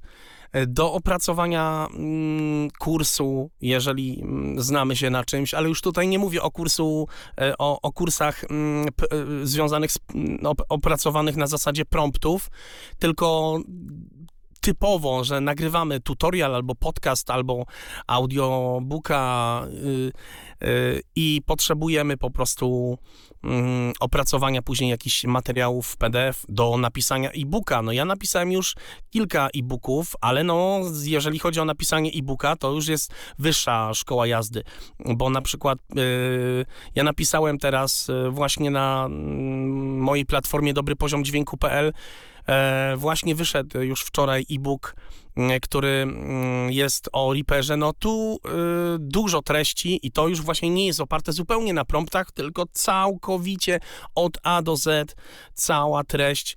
Mm, Napisałem to razem z czatem GPT, ale to robiłem cały tydzień, więc y, albo i więcej. Ile stron Mm. miał ten, ma ten e-book? Mało, nie, wiesz co, y, on ma, mm, wiesz co, w PDF-ie y, może z 35, więc to nie jest e-book, który ma 200 stron, natomiast wszystko jest tam bardzo przemyślane. E, więc, e, no bo tam są jeszcze tutoriale później, więc wiesz, no, to jest na, te, na tej zasadzie. Ale e, treści są bardzo bardzo skonstruowane, wiesz, y, y, sama, sama praktyka, co, jak y, zrobić, instrukcje krok po kroku, ale na, na zasadzie, wiesz, jak on mi to pisał, e, mi się to, mi się jakieś tam zdania nie podobały, coś mi się nie, ja to sprawdzałem, to jest właśnie, to jest nie tak, to trzeba zmienić, e, pisałem to kilka razy, więc no, to jest trochę wyższa szkoła jazdy. To teraz w takim razie odwrócę trochę sytuację, bo ty wspomniałeś o tym, że tworzysz tutoriale, różnego rodzaju kursy dla osób Tak, tak, widzących. tak. Z perspektywy osoby Tak, tak. niewidomej, to w jaki sposób ChatGPT ci pomaga? Em, w jaki sposób? Trudne pytanie, bo nie wiem od czego zacząć. Na każdym etapie w zasadzie mi pomaga. W tworzeniu filmów? No na przykład, ale w ogóle wiesz, jakby. Bo okej, ty znasz, na przykład skupmy się na Reaperze. Ty znasz Reapera. Ty znasz No tak, Reapera, tak. umiesz z niego korzystać, y, ale korzystasz z niego w oparciu o klawiaturę, y, w oparciu o dodatek Osara. Osoba widząca korzysta z Nie tego korzysta z Osary, w zupełnie inny sposób i Aha. będzie klikać myszką. I teraz. Dobra. No i jak teraz to zrobić? Jak to Mhm. zrobić? Tak. Y, No więc generalnie ja robię to na tej zasadzie, że piszę rozdział, przykładowo rozdział y, y, e-booka jak montować, no, jak, jakbym to zrobił teraz, tu i teraz. No to napisałbym rozdział, w którym e, opisałbym, co to jest item, mm, co to jest marker, co to jest region e, i jak e, wykorzystać to w montażu podcastu. I opisałbym, jak, to, jak, to, jak to zrobić. I wtedy poprosiłbym promptem czata GPT, żeby, mm, żeby mi to napisał, jak, e, w jaki sposób to zrobić z perspektywy osoby widzącej. I napisałbym po prostu takiego prompta. Napisz to obrazowo, opisowo, w taki sposób, aby zrozumiała to osoba. Bardzo początkująca, średnio zaawansowana, jak i zaawansowana. Kurs jest wyłącznie dla osób widzących. E, napisz, jeżeli trzeba kolory, rozmieszczenie przycisków, jeżeli trzeba użyć myszki, napisz w jaki sposób to zrobić, napisz to w taki sposób, jak będzie, jakby to wyglądało na zdjęciu. I tu klu- kluczowe są te właśnie zdania. Obrazowo, na zdjęciu, kolory, osoba widząca. I teraz, Darku, moje pytanie podchwytliwe. Czy ty to w jakiś sposób potem weryfikujesz? Tak, y, tak. I potem dodatkowo robię na tej zasadzie, że e, kolejna rzecz to e, po, potem jak on mi to napisze, oczywiście jak ja to przeczytam, to później generuję, e, każę mu wygenerować zdjęcie. E, mówię, żeby mi wygenerował zdjęcie, na którym jest e, to, co on napisał, nie? I on potem generuje zdjęcie i później sprawdzam z kilkoma innymi modelami e, sztucznej inteligencji, na przykład z Google Bardem, z Bingiem, co jest na tym zdjęciu. I jeszcze oczywiście z osobą widzącą sprawdzam, czy rzeczywiście y, to dzieje, no czy to jest tak jak tak, z osobą widzącą też to weryfikuję. No właśnie, no bo tu mamy taki problem, że Tak, tak. on może mieć w swoich zasobach informacje przestarzałe. Reaper się na przykład zmienia. No nie, nie, nie, to mam y, instrukcje obsługi najnowsze z, z Reapera strony. Aha, czyli ty go po prostu nakarmiłeś tą wiedzą, Tak, y, podrzuciłeś oczywiście. mu, podrzuciłeś mu instrukcję, instrukcje. czyli tutaj jest zdecydowanie mniejsze prawdopodobieństwo, że on będzie popełniał jakieś błędy. Nie, nie. E, Mówiłem o tym właśnie Knowledge, że można zrobić. Ja sobie po prostu spersonalizowałem kilka botów, Aha. między innymi takiego, który mi po prostu pomaga stricte w mojej ofercie. Ja go nakarmiłem e, instrukcjami wtyczek, instrukcjami e, właśnie Reapera, instrukcjami różnych, e, różnych rzeczy, które są obecnie e, w rynku, nie? Czy to jest tak, że on akceptuje jakąkolwiek dowolną pomoc, nie wiem, w PDF-ie, w W CHM-ie? PDF-ie, w zdjęciach, w. HTML-u, w Excelu zdaje się też. Tak, tak, tak, tak. Tak, i wtedy, jeżeli go nakarmimy taką wiedzą, to on po No, prostu sobie to... to- przetworzy i, i nie ma Mhm. problemu. No bo właśnie, bo zastanawiałem się, w jaki sposób Nie, nie, nie, unikamy No to- jakichś takich przekłamań, no bo... Nie, nie, nie, to, to, ta, to, to, to nie można tak. To mm, absolutnie trzeba weryfikować. No i absolutnie trzeba yy, sprawdzać to później też yy, z kimś widzącym. No to, to jest must have. No. Nie można wierzyć yy, sztucznej inteligencji. Yy, A powiedz No, mi, mam. często mimo tego, że nakarmiłeś go taką wiedzą, to on Czy się zmyśla? Tak. E, W dźwięku nie. W dźwięku, w dźwięku jest dobry. To jest e, ta, ta dziedzina, e, właśnie ta kwestia Wavesów, Reapera, Izotopa, e, Icon Digital, ty, tych rzeczy takich, e, gdzie akurat e, ja sprzedaję rzeczy, no kurczę, to tutaj dobrze sobie radzi, wyjątkowo dobrze. Mm, Ale myślisz, że dlatego właśnie, że mu dostarczyłeś y, aktualną wiedzę, czy on raczej już y, prawdę pisał od samego początku? E, to znaczy, prawdę pisał od e, samego początku. Tutaj e, dość dobrze sobie radzi. Natomiast googlowski Bart, co mnie bardzo dziwi, e, totalnie zmyśla. E, no niestety, e, rozczarował mnie bardzo Bart. E, mm, ma straszne halucynacje nie polecam. Fajnie to wszystko stylistycznie potrafi napisać, z przykładami, z różnymi tam y, odnośnikami do, do, do jakichś tam y, rzeczy, ale nie, nie dałbym y, rady zrobić żadnego e-booka, żadnego kursu, jakiegoś artykułu opublikować. Mm, Natomiast jeszcze raz, nie wiem który, ale podkreślę, cokolwiek dajecie w świat ze sztuczną inteligencją, 10 razy zweryfikować i sprawdzić.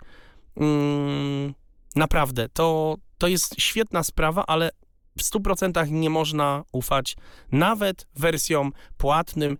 Mm, Jeżeli o czymś robimy kurs, artykuł, to my musimy mieć w głowie wiedzę, Yy, a, a ta sztuczna inteligencja jest asystentem, nie?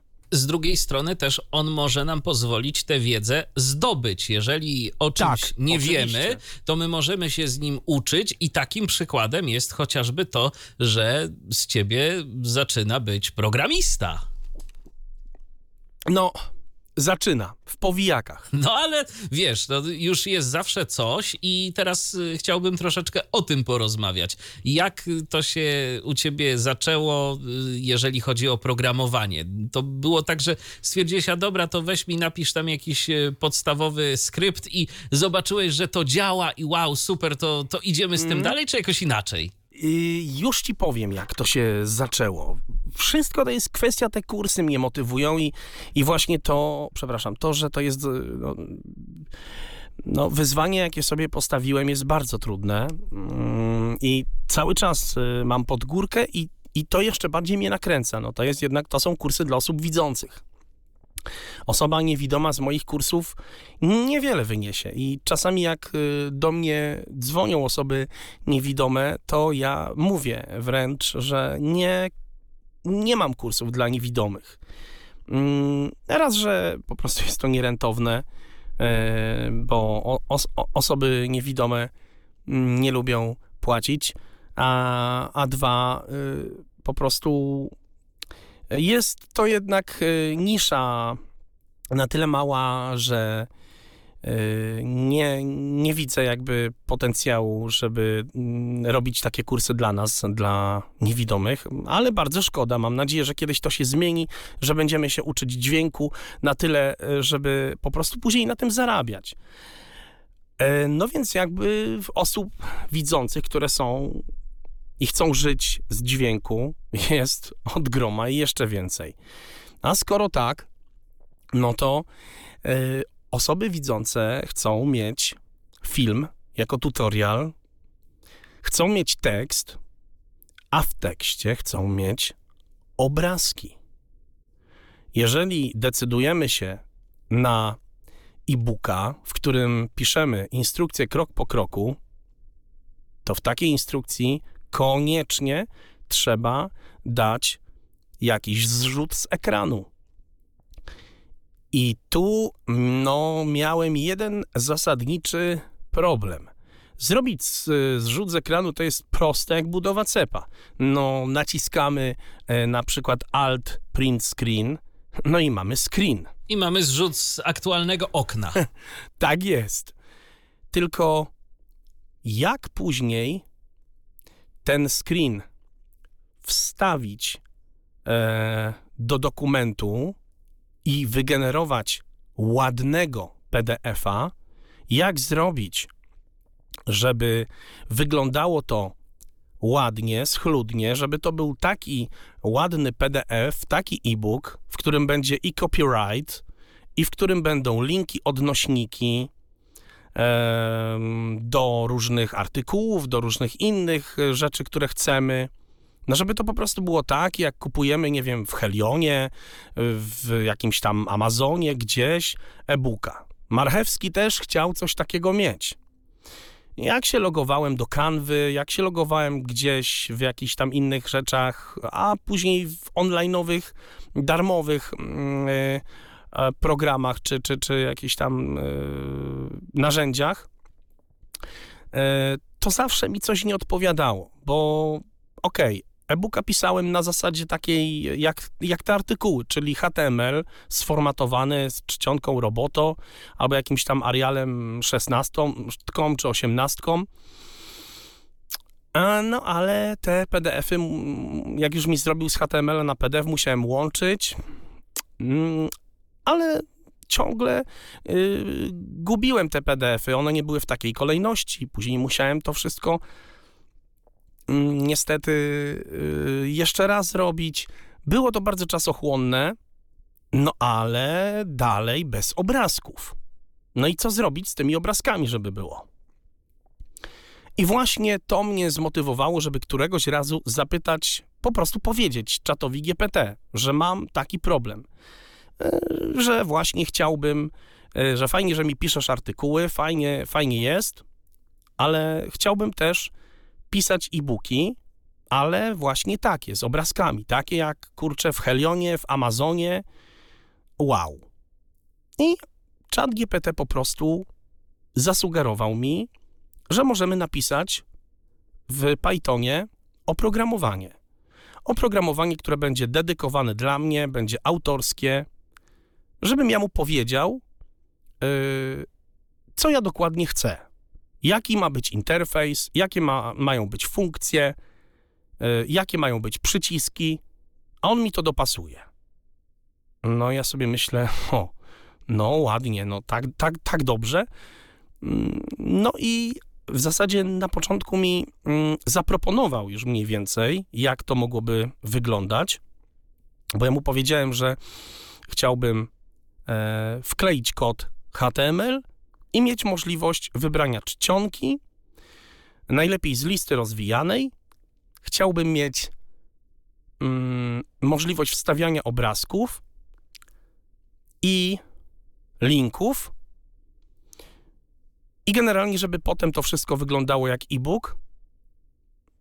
Mm, I, i, i, i, na, no, i, no i napisaliśmy takie oprogramowanie. No, napisaliśmy je chyba w dwa tygodnie, dlatego że dużo rzeczy e, nie pasowało na początku. No, na przykład e, ja też trochę się chciałem tego nauczyć. Nie umiem, nie można powiedzieć, że ja umiem kodować, bo, bo ja na razie to bardziej e, e, zaczynam... Kopiujesz i uczyć- wklejasz. kopiuję i wklejam. E, Z, owszem, dobra, znam biblioteki, wiem jakie są biblioteki do tworzenia filmów, do e, konwersji PDF na HTML i tak dalej, i tak dalej. No mniej więcej wiem na przykład już jak wygląda kod, który na przykład wiem, że się już nie nadaje, więc nawet go wiem, kiedy go nie wklejać, bo mm, wiem, gdzie czat GPT zrobił błąd w strukturze kodu. No już dobra, na tyle gdzieś tam troszeczkę jestem obcykany. E, Więc już dziś może nie wklejam tak wszystkiego, co on napisze. Już na przykład mu potrafię powiedzieć, że tutaj zrobiłeś błąd na końcu kodu, musisz poprawić coś tam. Więc powiedzmy taka klasa, zdałem z zerówki do pierwszej, albo jestem w przedsionku, ale mam, m- mogę wam pokazać, jak wygląda ten mój, ten mój, Ten programik do e-booków. Mhm. No to myślę, że będzie bardzo ciekawe. dobra, Ja w ogóle y, powiem y, tak, że też z moich obserwacji, bo ChatGPT jest nam w stanie pisać kod i w do różnych tego naprawdę językach. się nadaje, kurczę, w różnych no. językach, ale Tak. przede wszystkim najlepiej radzi sobie właśnie w Pythonie. Dlatego, Tak. że y, no, wszystko jest kwestią tego, na czym ten chat GPT ma się uczyć. Tak. A chat GPT dzięki temu też, że współpraca z Microsoftem przez OpenAI Tak. kwitnie, a Microsoft, moi drodzy, jest właścicielem Baba. To jest y, ten serwis dla programistów, którzy tam umieszczają kody źródłowe swoich Dokładnie. programów i najlepiej właśnie no, mu czyta się Pythona i tego Pythona jest najwięcej, bo to jest stosunkowo Tak. prosty język. W Pythonie jest chociażby NVDA napisany. No jest właśnie, to no stosunkowo właśnie. prosty język, który daje naprawdę duże możliwości. No dla nas on ma jeden zasadniczy minus, mianowicie te wcięcia, które tam trzeba stosować. Tak, Więc tak, to tak, jest kłopot, natomiast no, można sobie z nim poradzić i jeżeli już gdzieś tam sobie powiedzmy ogarniemy tego Pythona albo poprosimy NVD, poprosimy czata GPT, żeby, nas, żeby nam coś napisał w tym Pythonie, to rzeczywiście, tak jak ty mówisz, y, można się zacząć tego powoli, powoli uczyć. Uczyć. Ja na przykład, ze mnie też nigdy programista y, dobry nie był i dla mnie napisanie jakiegoś kawałka kodu, mimo że jestem po informatyce, y, ale nigdy programowanie to nie było to, czym ja się lubiłem zajmować. Jakoś nigdy to y, nie było moje mm, ulubione zajęcie. Natomiast, y, no fakt faktem, y, tutaj już też y, od czasu do czasu siadam z tym czatem GPT, proszę go o napisanie jakiegoś kawałka kodu, ja jestem w stanie go przeczytać, wiem co, o co chodzi, co tu jest, co można by było poprawić i tak sobie też gdzieś tam coś tworzymy, więc to jest dobra droga i dzięki temu, nawet jeżeli ktoś tego na początku nie rozumie, jeżeli na początku wydaje mu się to po prostu czarną magią, to z czasem też może zacząć pojmować o co tu chodzi. Jest taka trochę Tak. nauka programowania od drugiej strony. Dokładnie. Yy, dokładnie tak. Mm, Okej. Yy, o, mam, mam moment, bo ja tych programów to w ogóle już mam tyle napisanych. Ja sobie go nazwałem Marchewski. Dobra, dam no, tak jakiś bardziejszy... yy,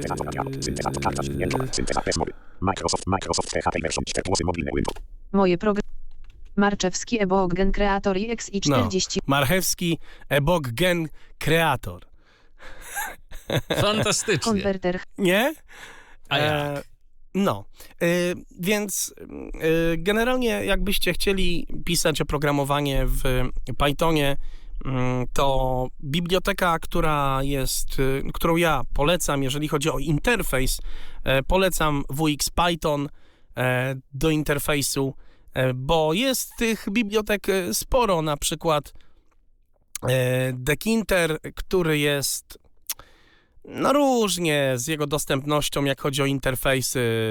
To jest tak połowiczne rozwiązanie. E, Czasem. e, Jak dobrze pamiętam, z WX, Pythona też Python. NVDA korzysta, więc Y, no, myślę, więc że jest- dobra rekomendacja. No. No widzisz, więc coś tam, coś tam, wiesz, klasa wstępna jest, nie? No jest do, do, dobra, dobra, mm, dobra rekomendacja jest.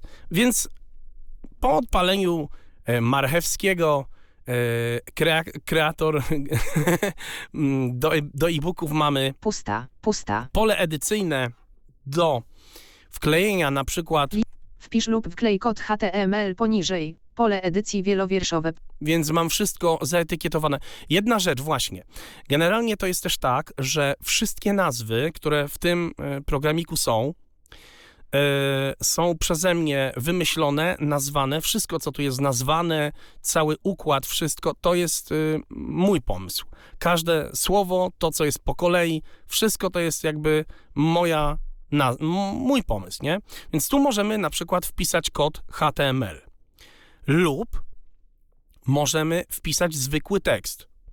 Jakikolwiek tekst w tym polu wpiszemy, program przekształci to później na HTML. Jedziemy dalej. Konwertuj na PDF przycisk. Tutaj mamy po prostu konwersję na PDF. Program przekonwertuje używając e, dwóch e, bibliotek, zapomniałem teraz jakich, nie będę się tutaj wymądrzał, ale a, zapomniałem, zapomniałem, nie, teraz, teraz nie przypomnę sobie jakich tam użyłem. E, Dodaj obrazek przycisk. Tutaj mamy opcję dodaj obrazek, przycisk. Przycisk dodaj obrazek robi bardzo fajną rzecz i nad tym się właśnie męczyłem bardzo długo, e, bo to jest świetna rzecz. Jest taka opcja, która się nazywa y, Base 64, która polega na tym, że gdy dodamy obrazek z komputera, obrazek jest przekształcany na kod HTML. Tak, Base 64 to jest po prostu taki sposób zapisu Tak. tego y, jako taka zakodowana Chowana y, fragment tekstu. Zakodowany fragment tekstu. Mhm. O, wada tego jest taka, że plik e, no, jest wtedy o, odpowiednio duży, ale zaleta jest taka, że mamy obrazek w kodzie HTML, a potem możemy taki HTML, jak wiemy, przekonwertować na dowolny dokument. I wtedy e, nie musimy się martwić na przykład, że tekst z obrazkiem e, nam się ro, gdzieś tam rozwali, bo na przykład nie wiemy, gdzie jest obrazek. W momencie, kiedy tworzymy sobie jakiś dokument mm, i wstawiamy obrazek, no to najczęściej ten obrazek wstawiamy na zasadzie ścieżka do obrazku. Zwłaszcza w HTML-u robimy tam img, source, c dwukropek, backslash, obrazy, backslash, y, ala.jpg. No ale wystarczy tylko, że mm, no coś nam się tam gdzieś tam rozjedzie, gdzieś tam ten obrazek niechcąco wywalimy, no i już obrazka w pliku nie ma. Natomiast właśnie Base 64 powoduje to, że obrazek jest od razu zapisany w dokumencie bezpośrednio. Yy, To jest taka metoda, ja właśnie tu miałem problem, yy, nie wiedziałem co zrobić, żeby jaką alternatywę znaleźć, mm, żeby właśnie nie zapisywać jako ścieżkę do obrazka, tylko właśnie takie coś. No i tak sobie to z czatem GPT wymyśliliśmy. Efekt Mm. uboczny tego jest, jak się domyślam, taki, że masz dużo śmieci w tym tekście y, co jakiś czas, kiedy są wklejane te obrazki, prawda? Śmieci? No nie wiem, no y, jest ciąg y,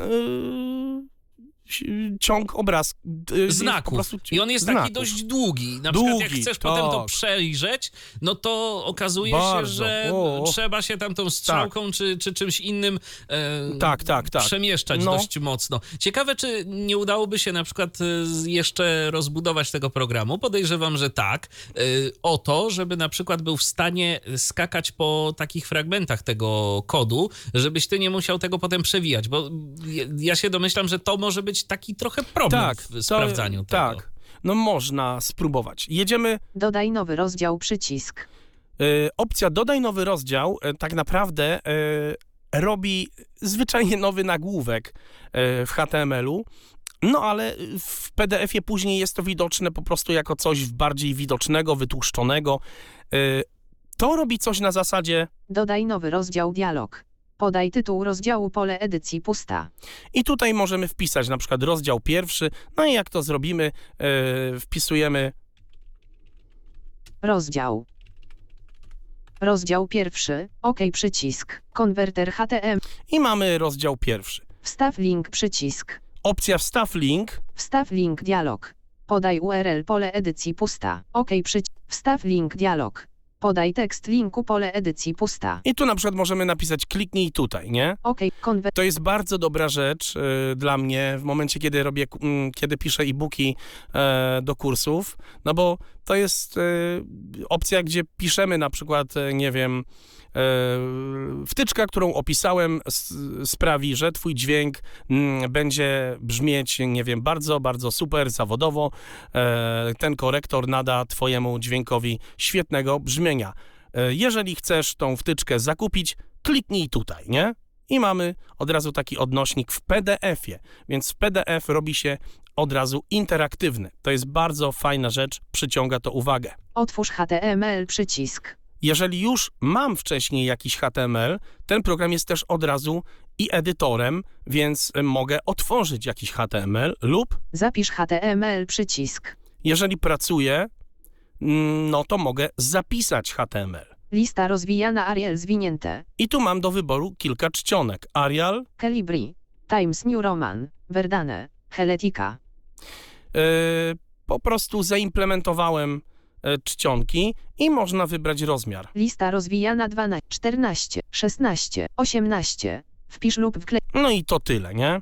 Moje programy. Opcja konwertuj na PDF powoduje skonwertowanie tego, co zmajstrujemy na naprawdę ładnie, estetycznie wyglądający PDF, nie umniejszając tym e, z kanwy, e, gdzie już mamy z obrazkami, z linkami. A z ciekawości, jak tego PDF-a się potem czyta y, z naszej perspektywy? Też no, no właśnie, no oczywiście. To, to, to ja mówię opcja po, po jakby wiesz, we, weryfikacji już kawał czasu temu przez osoby widzące. Tak, tak. Tak, tak, tak. Właśnie y, wiesz, bo chodzi mi o to, że coś może wyglądać fajnie, Nie, no. ale no jeżeli chodzi o czytanie potem z y, poziomu czytnika ekranu, to może być różnie. Niestety z PDF-ami A, tak zna- jest. zna- tak, z naszej o- perspektywy, tak.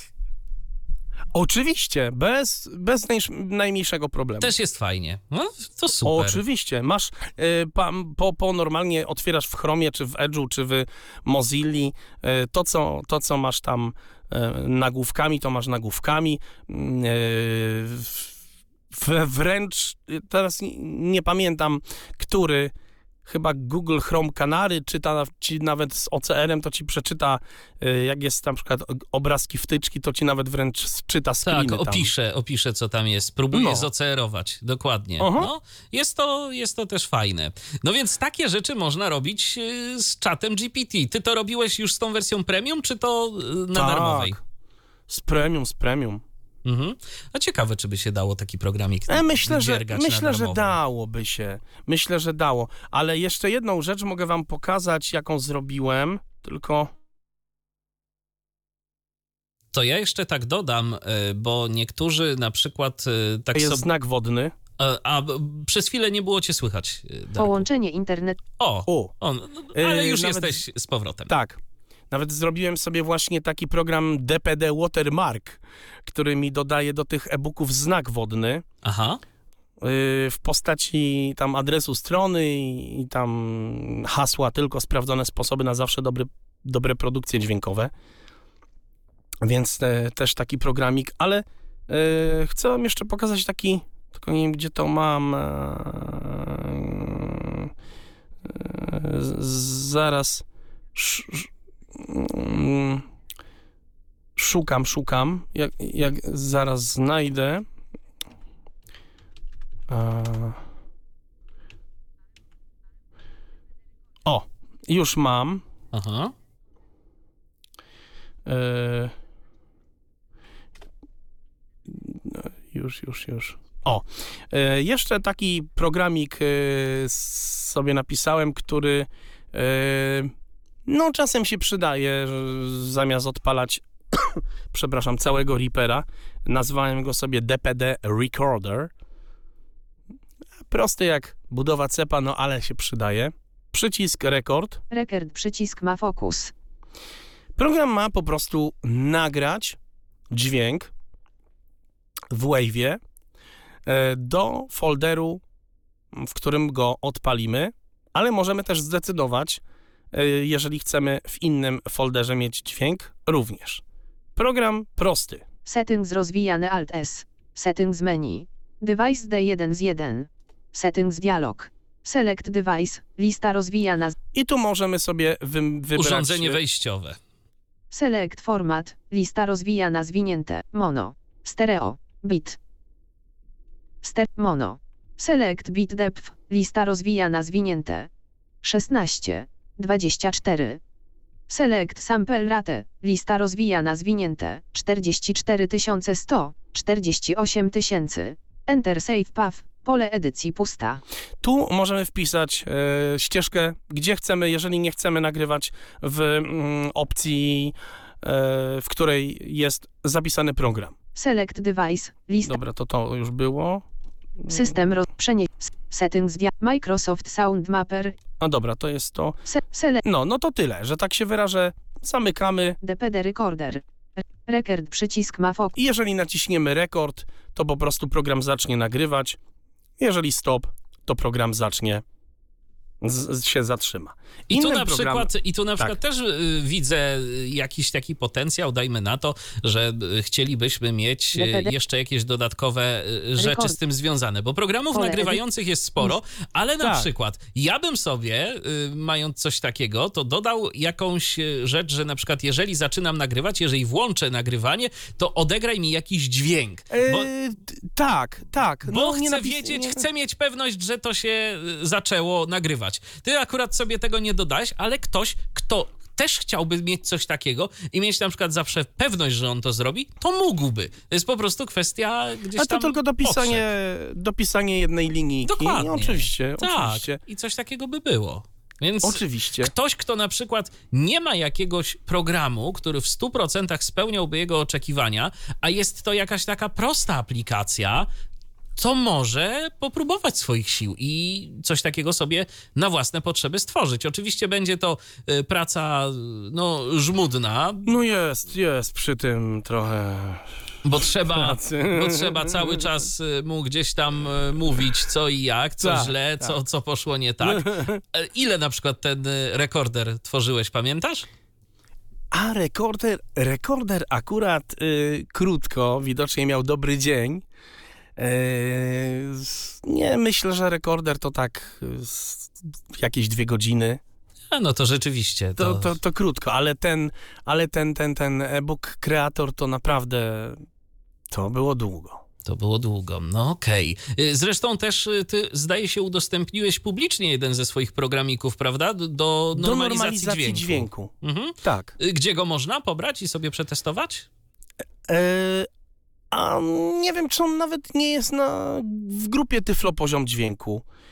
Więc y, zapraszam. Generalnie jak będziecie mieć jakieś pytania dotyczące tego czata GPT i, i tego dzisiejszego odcinka, to zapraszam do Facebooka, do dołączenia do grupy Tyflo Poziom Dźwięku, Tyflo Poziom Dzwieku. Mm, E, więc tam na Facebooku można dołączyć. A jakby go nie było, no to ja go bardzo chętnie udostępnię. Ewentualnie możemy się umówić w ogóle, że później ci go Michał po prostu na Messengerze dam, to tak, możesz i go podlinkujemy, i podlinkujemy go na przykład w komentarzu. W, e, Tak, bo ten e, program ja udostępniam jak najbardziej do normalizacji. Program jest fajny, y, bo on normalizuje, on normalizuje bardzo, bardzo poprawnie, bardzo dobrze. Ja napisałem instrukcję obsługi, dopilnowałem, żeby ta instrukcja była napisana naprawdę tak y, od A do Z, tak żeby każdy zrozumiał. Właśnie ta instrukcja do tego programu jest przykładem na to, jak można e, napisać dobrze coś e, z czatem GPT, bo, bo to on tam zaczął mi pisać tą instrukcję, ja go poprawiałem bardzo dużo razy tam e, właśnie na zasadzie ten zwrot mi napisz jeszcze raz, to mi się nie podoba, to jest za, mm, za ogólnie, tutaj użyj innego zwrotu, nie, więc to, to, to jest bardzo tak napisane, żeby osoba totalnie początkująca, która nie do końca wie, co to znaczy normalizacja, żeby zrozumiała. Tam jest tak wszystko bardzo jasno, klarownie określone. Pisanie tekstów, pisanie artykułów, y, tworzenie kursów, programowanie. No, do całkiem pokaźnej ilości, liczby różnych y, działań wykorzystujesz y, czata GPT. Czy do czegoś jeszcze? Tak, no do.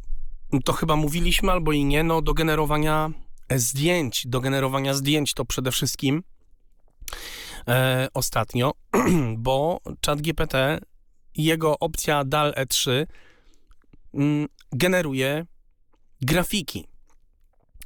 A grafiki na social media, grafiki na strony internetowe. No właśnie, do czego jeszcze? No do e, właśnie do projektowania stron internetowych. Mm, ChatGPT może bardzo dobrze e, zaprojektować nam strony internetowe. Przecież w momencie, kiedy e, nawet piszemy bloga, no to jedna rzecz to treść, ale druga rzecz to to musi też wyglądać. E, To nie tylko sam tekst, ale każdy artykuł no, musi mieć też jakąś, jakiś wygląd, więc do, również do grafik.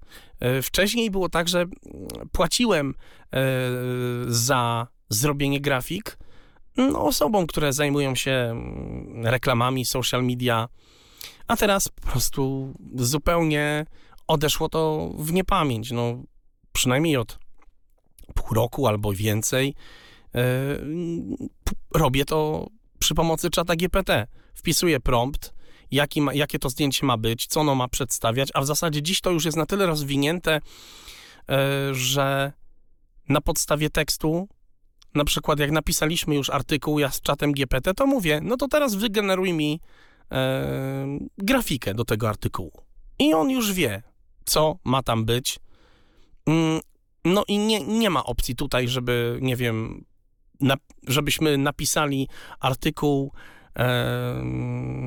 wtyczka e, F6 Dynamics e, od Wavesa, korektor w twoim podcaście, a on wygeneruje konia e, i kowboja na koniu. A prosisz go jeszcze potem e, na koniec, żeby opisał ci tę grafikę? Oczywiście. I robię to raz, że w innej, zupełnie nowej konwersacji, na zasadzie, cześć, opisz mi to zdjęcie. Co to jest?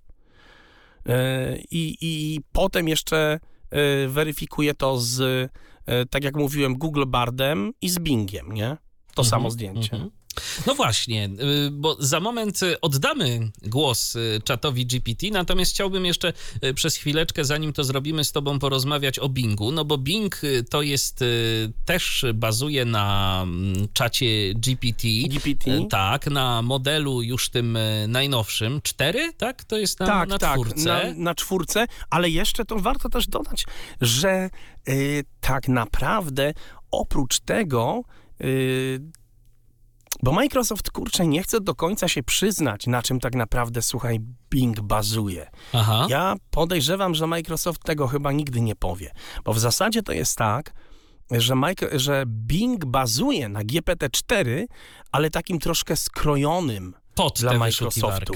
Mhm. Tak. Całkiem, całkiem możliwe, albo bardzo mocno tam mieszane jest w promptach, Mhm. bo Tak. z moich Tak, tak, obserwacji to Bing spokojnie nadaje się właśnie do y, zadawania mu różnych pytań, do y, Tak. tego, żeby on odpowiadał na pytania, ale Tak. jeżeli prosimy go już o jakąś taką, o jakieś takie bardziej kreatywne działanie, właśnie tworzenie tekstów, y, czy pisanie jakiegoś kodu i tak dalej, i tak dalej, on bardzo często y, nie chce tego robić, albo robi to w jakiś taki nie do końca y, fajny sposób i mimo wszystko i tak zawsze próbuje odwoływać się do tego internetu, tak jakby Microsoft celowo y, blokował te możliwości, żebyśmy no jednak nie wykorzystywali go w taki aż bardzo kreatywny dla nas sposób. Nie wiem, czy ty masz podobne wrażenia. To znaczy z Bingiem jest tak, że tam są trzy tryby. Pierwszy tryb, tryb kreatywny, służy do e, generowania. E, e, to znaczy tak, w trybie kreatywnym w zasadzie zrobimy wszystko, ale tak naprawdę, żeby wycisnąć e, największe możliwości z Binga, to w trybie kreatywnym z, tryb kreatywny nadaje się do generowania mm, treści takich, e, no właśnie do odpowiadania na pytania, do, do, do rozmowy. No napisze nam też e, całkiem niezły artykuł na bloga faktycznie Bing.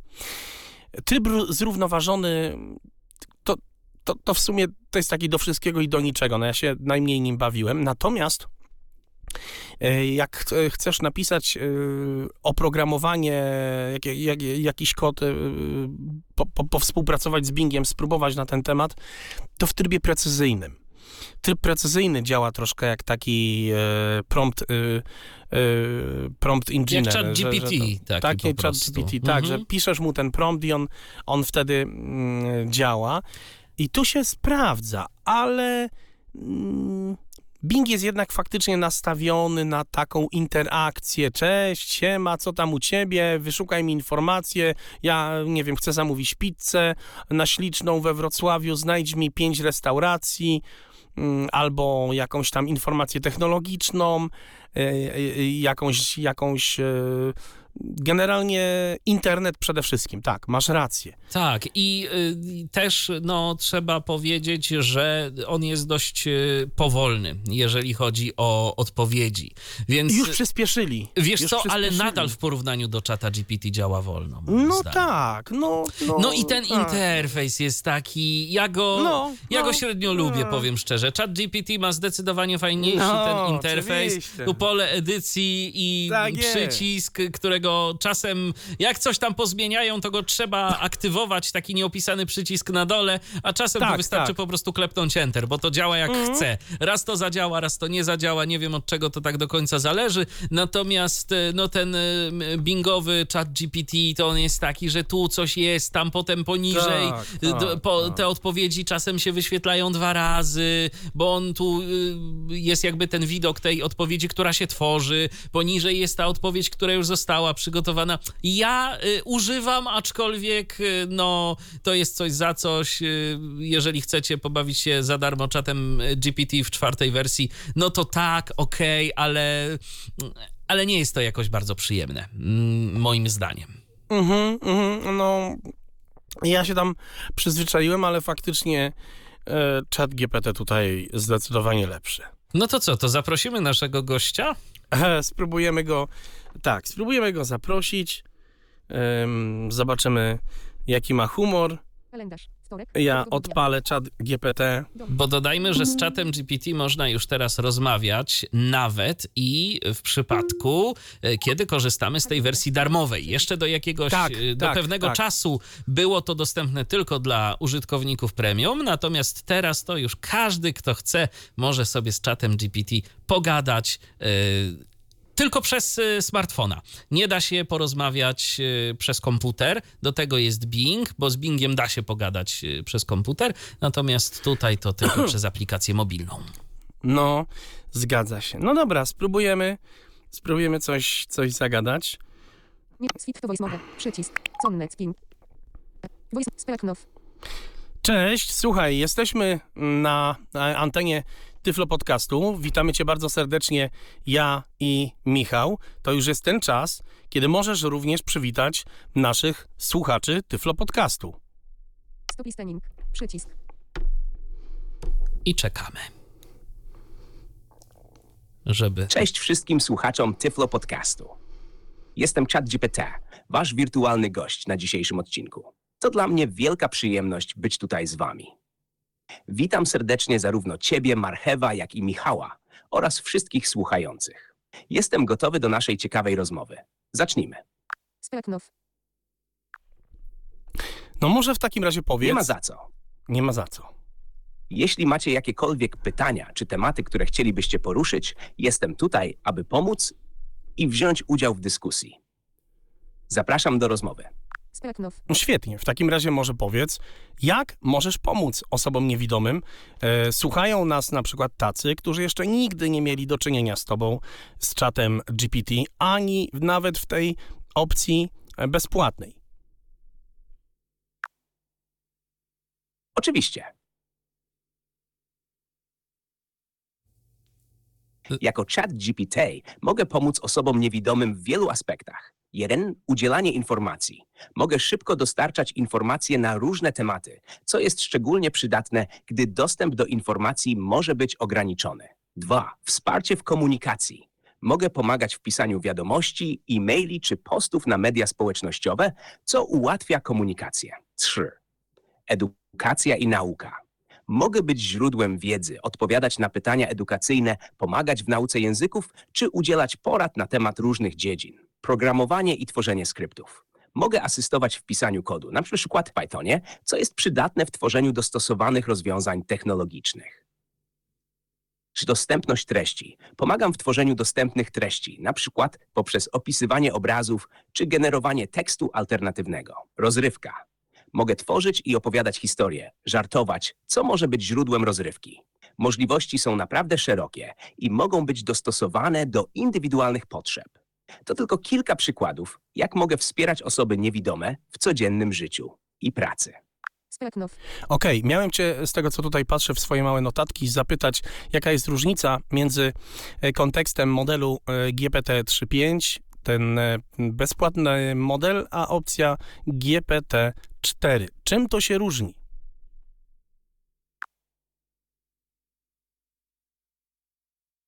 Rozumiem, to ważne pytanie. Główne różnice między GPT-3 Szpion a GPT-4 to przede wszystkim zakres wiedzy, zrozumienie kontekstu i zdolności do generowania bardziej złożonych treści. Zakres wiedzy.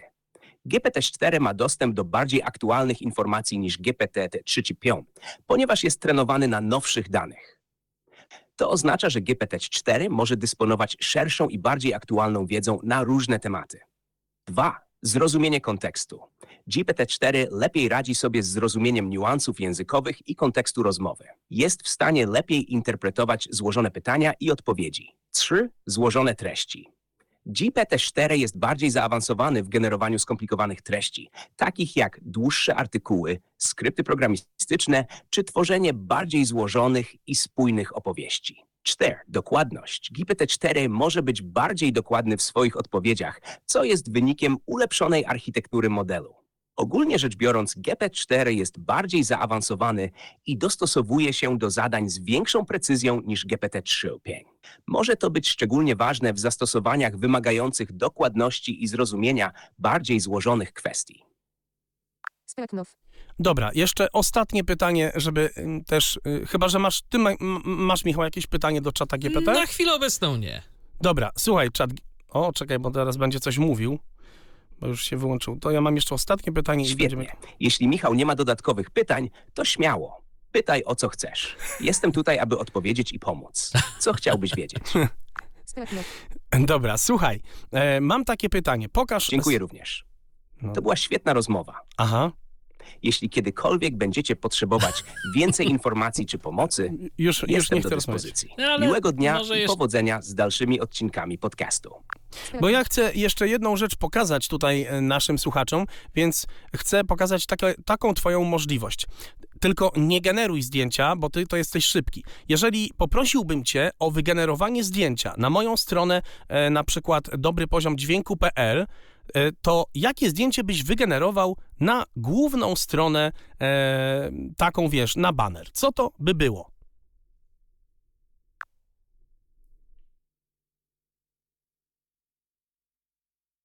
No, myśli. Mhm. Chwilę mu to pewnie zejdzie. Może Rozumiem. jednak Chcesz generuje. pomysł na zdjęcie na banner dla twojej strony dobrypoziomdźwięku.pl. Wyobrażam sobie coś takiego. Dynamiczne zdjęcie studia nagraniowego z wysokiej jakości sprzętem No audio. Na pierwszym planie mikrofon i słuchawki, w tle zaawansowana konsola mikserska z wyświetlaczami pokazującymi poziomy dźwięku. Wszystko to w ciepłych, zachęcających kolorach, które tworzą przyjazną, profesjonalną atmosferę. Taki obraz może przyciągnąć uwagę odwiedzających i od razu pokazać, że strona dotyczy profesjonalnej pracy z dźwiękiem. Co myślisz o takim pomyśle? Myślę, że umiesz się zareklamować, co też zrobiłeś. Myślę, że na tym skończymy naszą rozmowę. Spisałeś się na medal. Dzięki wielkie. Możesz na koniec pozdrowić jeszcze raz słuchaczy.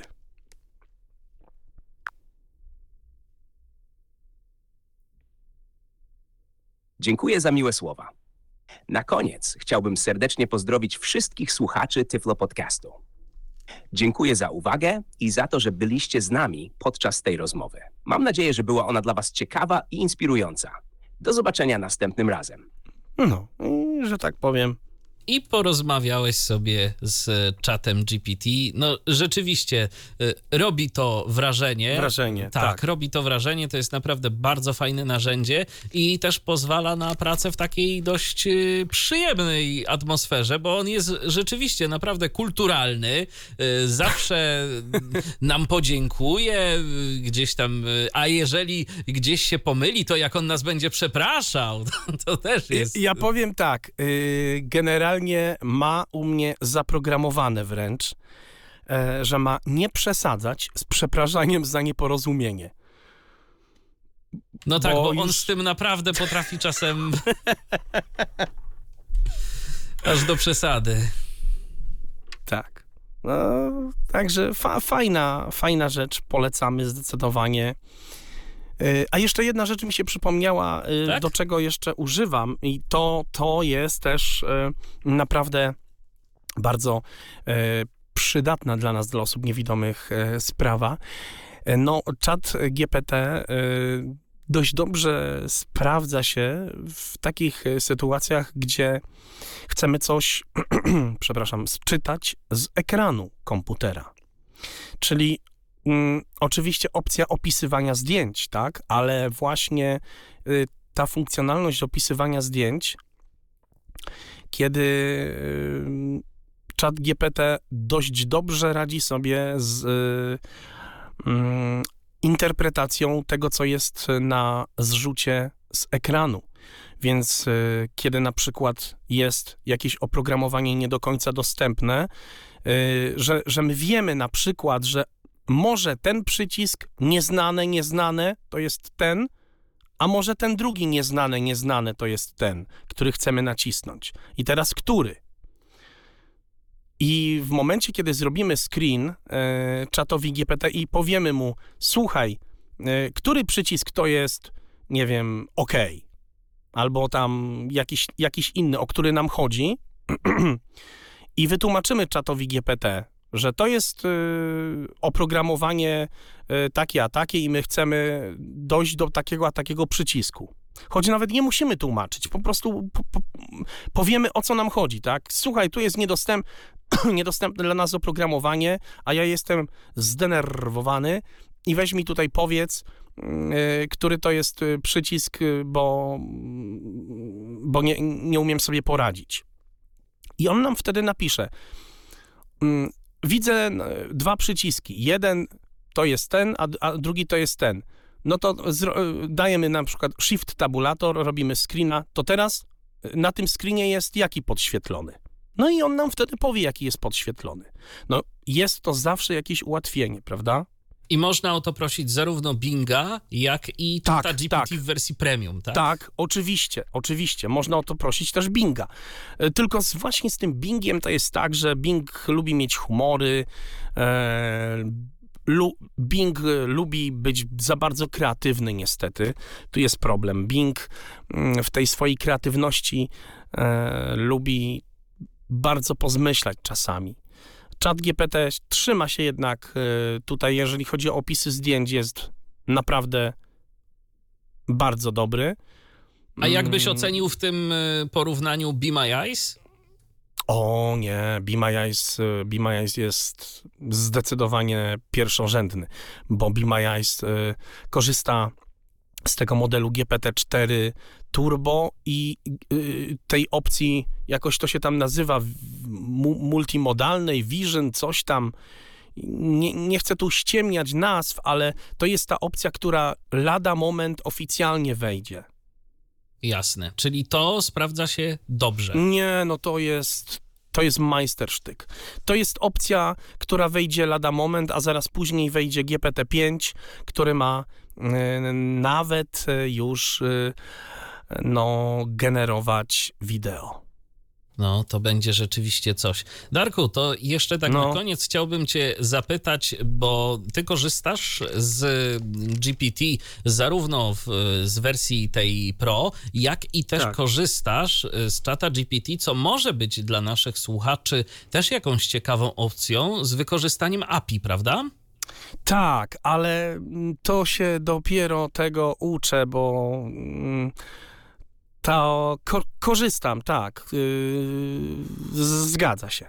To zapytam cię w jaki sposób. Y, Z czego ty korzystasz, w jaki sposób korzystasz z tego API? A pytam dlatego, że to dla tych, którzy nie chcą płacić tej stówki miesięcznie, to może być fajną opcją, bo w tym modelu rozliczeniowym to płacimy tylko za faktyczne zużycie. Oczywiście Tak. musimy mieć większą wiedzę, bardziej wiedzieć, co robimy i jaki efekt chcemy osiągnąć, ale po prostu możemy mieć za ułamek ceny też takie możliwości czata GPT.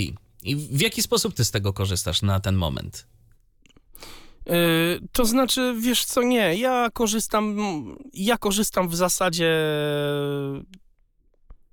prawie tak samo jak z czata GPT, tylko tego płatnego, tylko z tą różnicą, że mm, z wykorzystaniem e, wygenerowania API e, po prostu porobiłem sobie kilka różnych asystentów. Każdy służy mi do czegoś innego. E, Bardzo je precyzyjnie zaprogramowałem. Jeden służy do mm, pisania artykułów, drugi służy do pisania postów społeczność na, na sociale, inny do, nie wiem, e, jakichś tam storytellingów. Każdy do czegoś innego, każdy jest bardzo precyzyjnie zaprogramowany. E, każdy z nich ma zupełnie inne pliki wgrane, jest inną wiedzą przeze mnie nakarmiony, y, ale też odpowiedzi są w tym modelu zupełnie inne. Okej, bo ja myślałem, że ty korzystasz w ten sposób, że jakby lokalnie z poziomu komputera Teraz wysyłasz zapytania z wykorzystaniem tego API. Myślałem, że tu będziesz mógł coś podpowiedzieć naszym Yy, słuchaczom. Nie, jeszcze nie. To znaczy, tak, próbuję to robić, próbuję się tam bawić, ale nie, nie, jeszcze nie będę tutaj e, w tym poziomie ekspertem. Owszem, e, mam już taki brudnopis takiego oprogramowania, też własnego autorstwa gdzieś tam. Tak, e, korzystam. Na, pi, piszę, jestem w trakcie pisania oprogramowania, które faktycznie z wykorzystaniem API e, na zasadzie generator artykułów na bloga, gdzie łączę się faktycznie moim API i modelem GPT-3.5, tym starszym, e, i chcę zrobić takie oprogramowanie, e, które będzie generowało e, artykuły na bloga. No właśnie, bo to jest też dobry Tak, pomysł. można- jeżeli, tak. ktoś, jeżeli ktoś ma ochotę w ten sposób popróbować, to może poprosić nawet y, czata GPT o to, Tak. żeby nam napisał jakiś taki program, z którego skorzystamy. Pamiętajcie też, i to ja dodam od siebie, że w Tyflo Przeglądzie bardzo często opisujemy różnego rodzaju dodatki, różnego rodzaju narzędzia. Ostatnio na przykład y, wspominaliśmy o takim dodatku do NVDA, który ma w sobie różne y, funkcje czata GPT i który Tak. wymaga naszego klucza API. Więc jeżeli na przykład chcecie w ten sposób pokorzystać i nie chcecie y, korzystać z tych y, funkcji y, płatnych no dużo, dużo, albo no, zależy, jeżeli ktoś korzysta z tego biznesowo, no to powiedzmy ta stówka No, miesięcznie to, to nie są nie wielkie różnicy. pieniądze. Natomiast No. jeżeli ktoś dopiero zaczyna swoją przygodę i nie chce iść w To jakieś nie ma duże sensu koszty, płacić no od to razu tam. oczywiście, to, to wykupimy sobie jakieś tam e, kredyty i Mhm. do, doładujemy sobie to konto za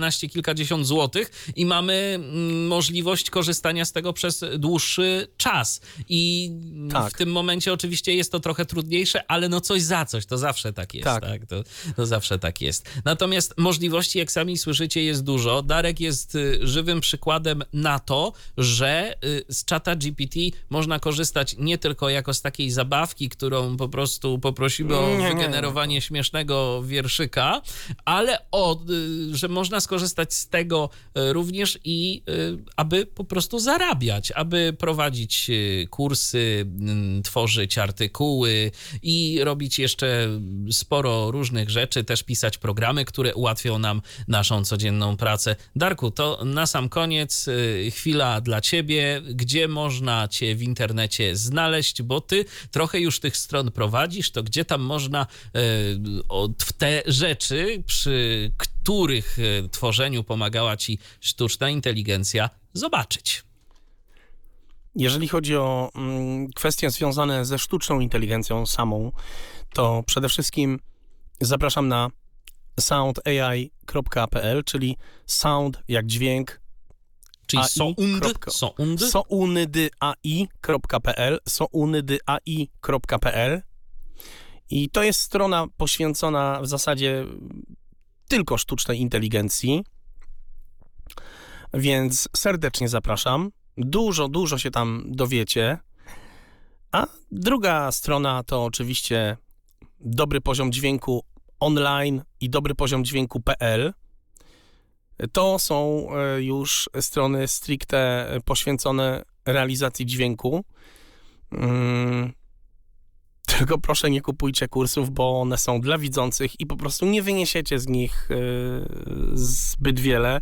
Mm, Jak chyba, że te coś- prompty ewentualnie, to... A, no tak. Może no to coś. tak. No to, no to prompty ewentualnie. Ale słuchajcie, Ale- Darek już tu się wygadał w audycji, że chat GPT dużo wie o dźwięku, to nawet nie trzeba płacić. to nie tylko, trzeba. I...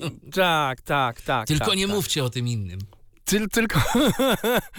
nie, ale to, to, to, to, to wiecie, to, to zawsze, zawsze warto, wa, warto jednak e, specjaliście zaufać, bo czat GPT e, wie, natomiast u mnie to zawsze jeszcze jakieś tam wsparcie jest. No ale to kiedyś, kiedyś może coś się dla niewidomych zrobi, ale no mówię to e, akurat w moim przypadku przede wszystkim filmy i obrazki i treść.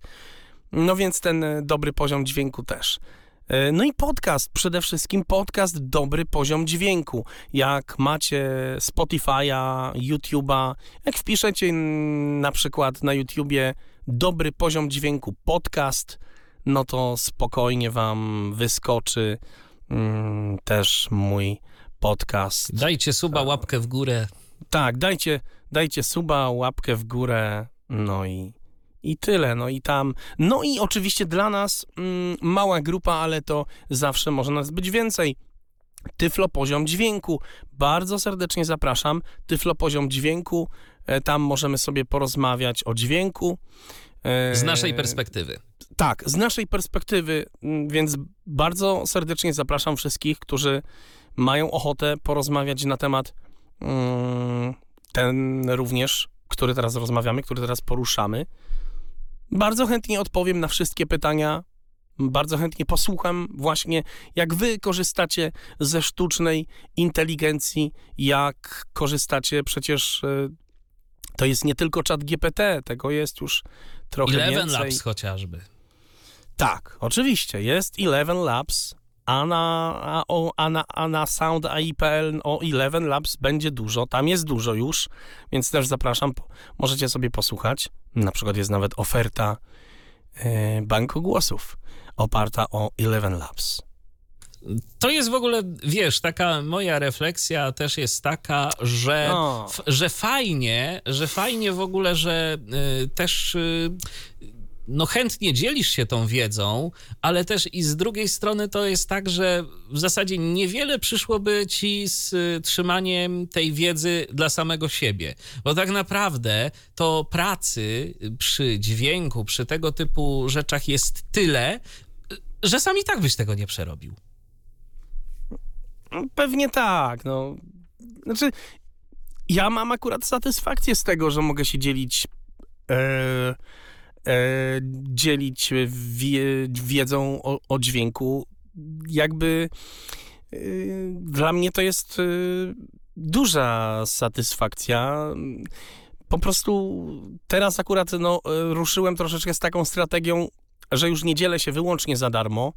E, Nawet e, te rzeczy premium, tych rzeczy premium jest więcej. Troszeczkę tak wycofałem się mm, z e, tą opcją taką, że więcej za darmo, a mniej e, płatnie. To, to teraz jest troszeczkę już na odwrót. Natomiast z drugiej strony też tych darmowych rzeczy jest, nie wycofałeś ich, tych, które już opublikowałeś, prawda? A nie, no to na pewno ich nie wycofam i, i na pewno będę cały czas się dzielił wiedzą darmową, tylko to będzie na zasadzie teraz e, po prostu do każdego artykułu będzie coś darmowego, a jeszcze więcej kliknij po więcej, jak to się mówi, nie? Tak, i, i zapłać. I zapłać. No ale to Tak, każdy ma jakąś swoją strategię biznesową, Tak, a też tak. jak y, dajemy różne rzeczy za darmo, to potem też jest mnóstwo ludzi, którzy nawet nie zawsze chcą tę wiedzę zgłębić, za to mają dużo pytań i oczekują, że wszystko im się wytłumaczy od A do Z. No to wtedy,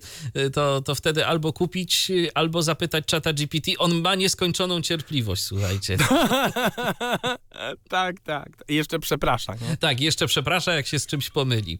Więc słuchajcie, no tak to wygląda, tak y, w takich czasach przyszło nam żyć. Od y, mniej więcej roku ChatGPT jest z nami. To jeden z elementów y, sztucznej inteligencji, który naprawdę może być pomocny i który można wykorzystać w praktyce. I o tym właśnie dziś na antenie Tyflo Radia opowiadał Dariusz Marchewka. Dziękuję Ci, Darku, raz jeszcze za udział w audycji. Dziękuję pięknie. I ja również dziękuję za uwagę. Michał Dziwisz, kłaniam się do następnego spotkania na antenie e, Tyflo Radia. No i dziękujemy czatowi GPT, który również się odezwał. Trzymajcie się, cześć. Był to Tyflo Podcast. Pierwszy polski podcast dla niewidomych i słabowidzących. Program współfinansowany ze środków Państwowego Funduszu Rehabilitacji Osób Niepełnosprawnych.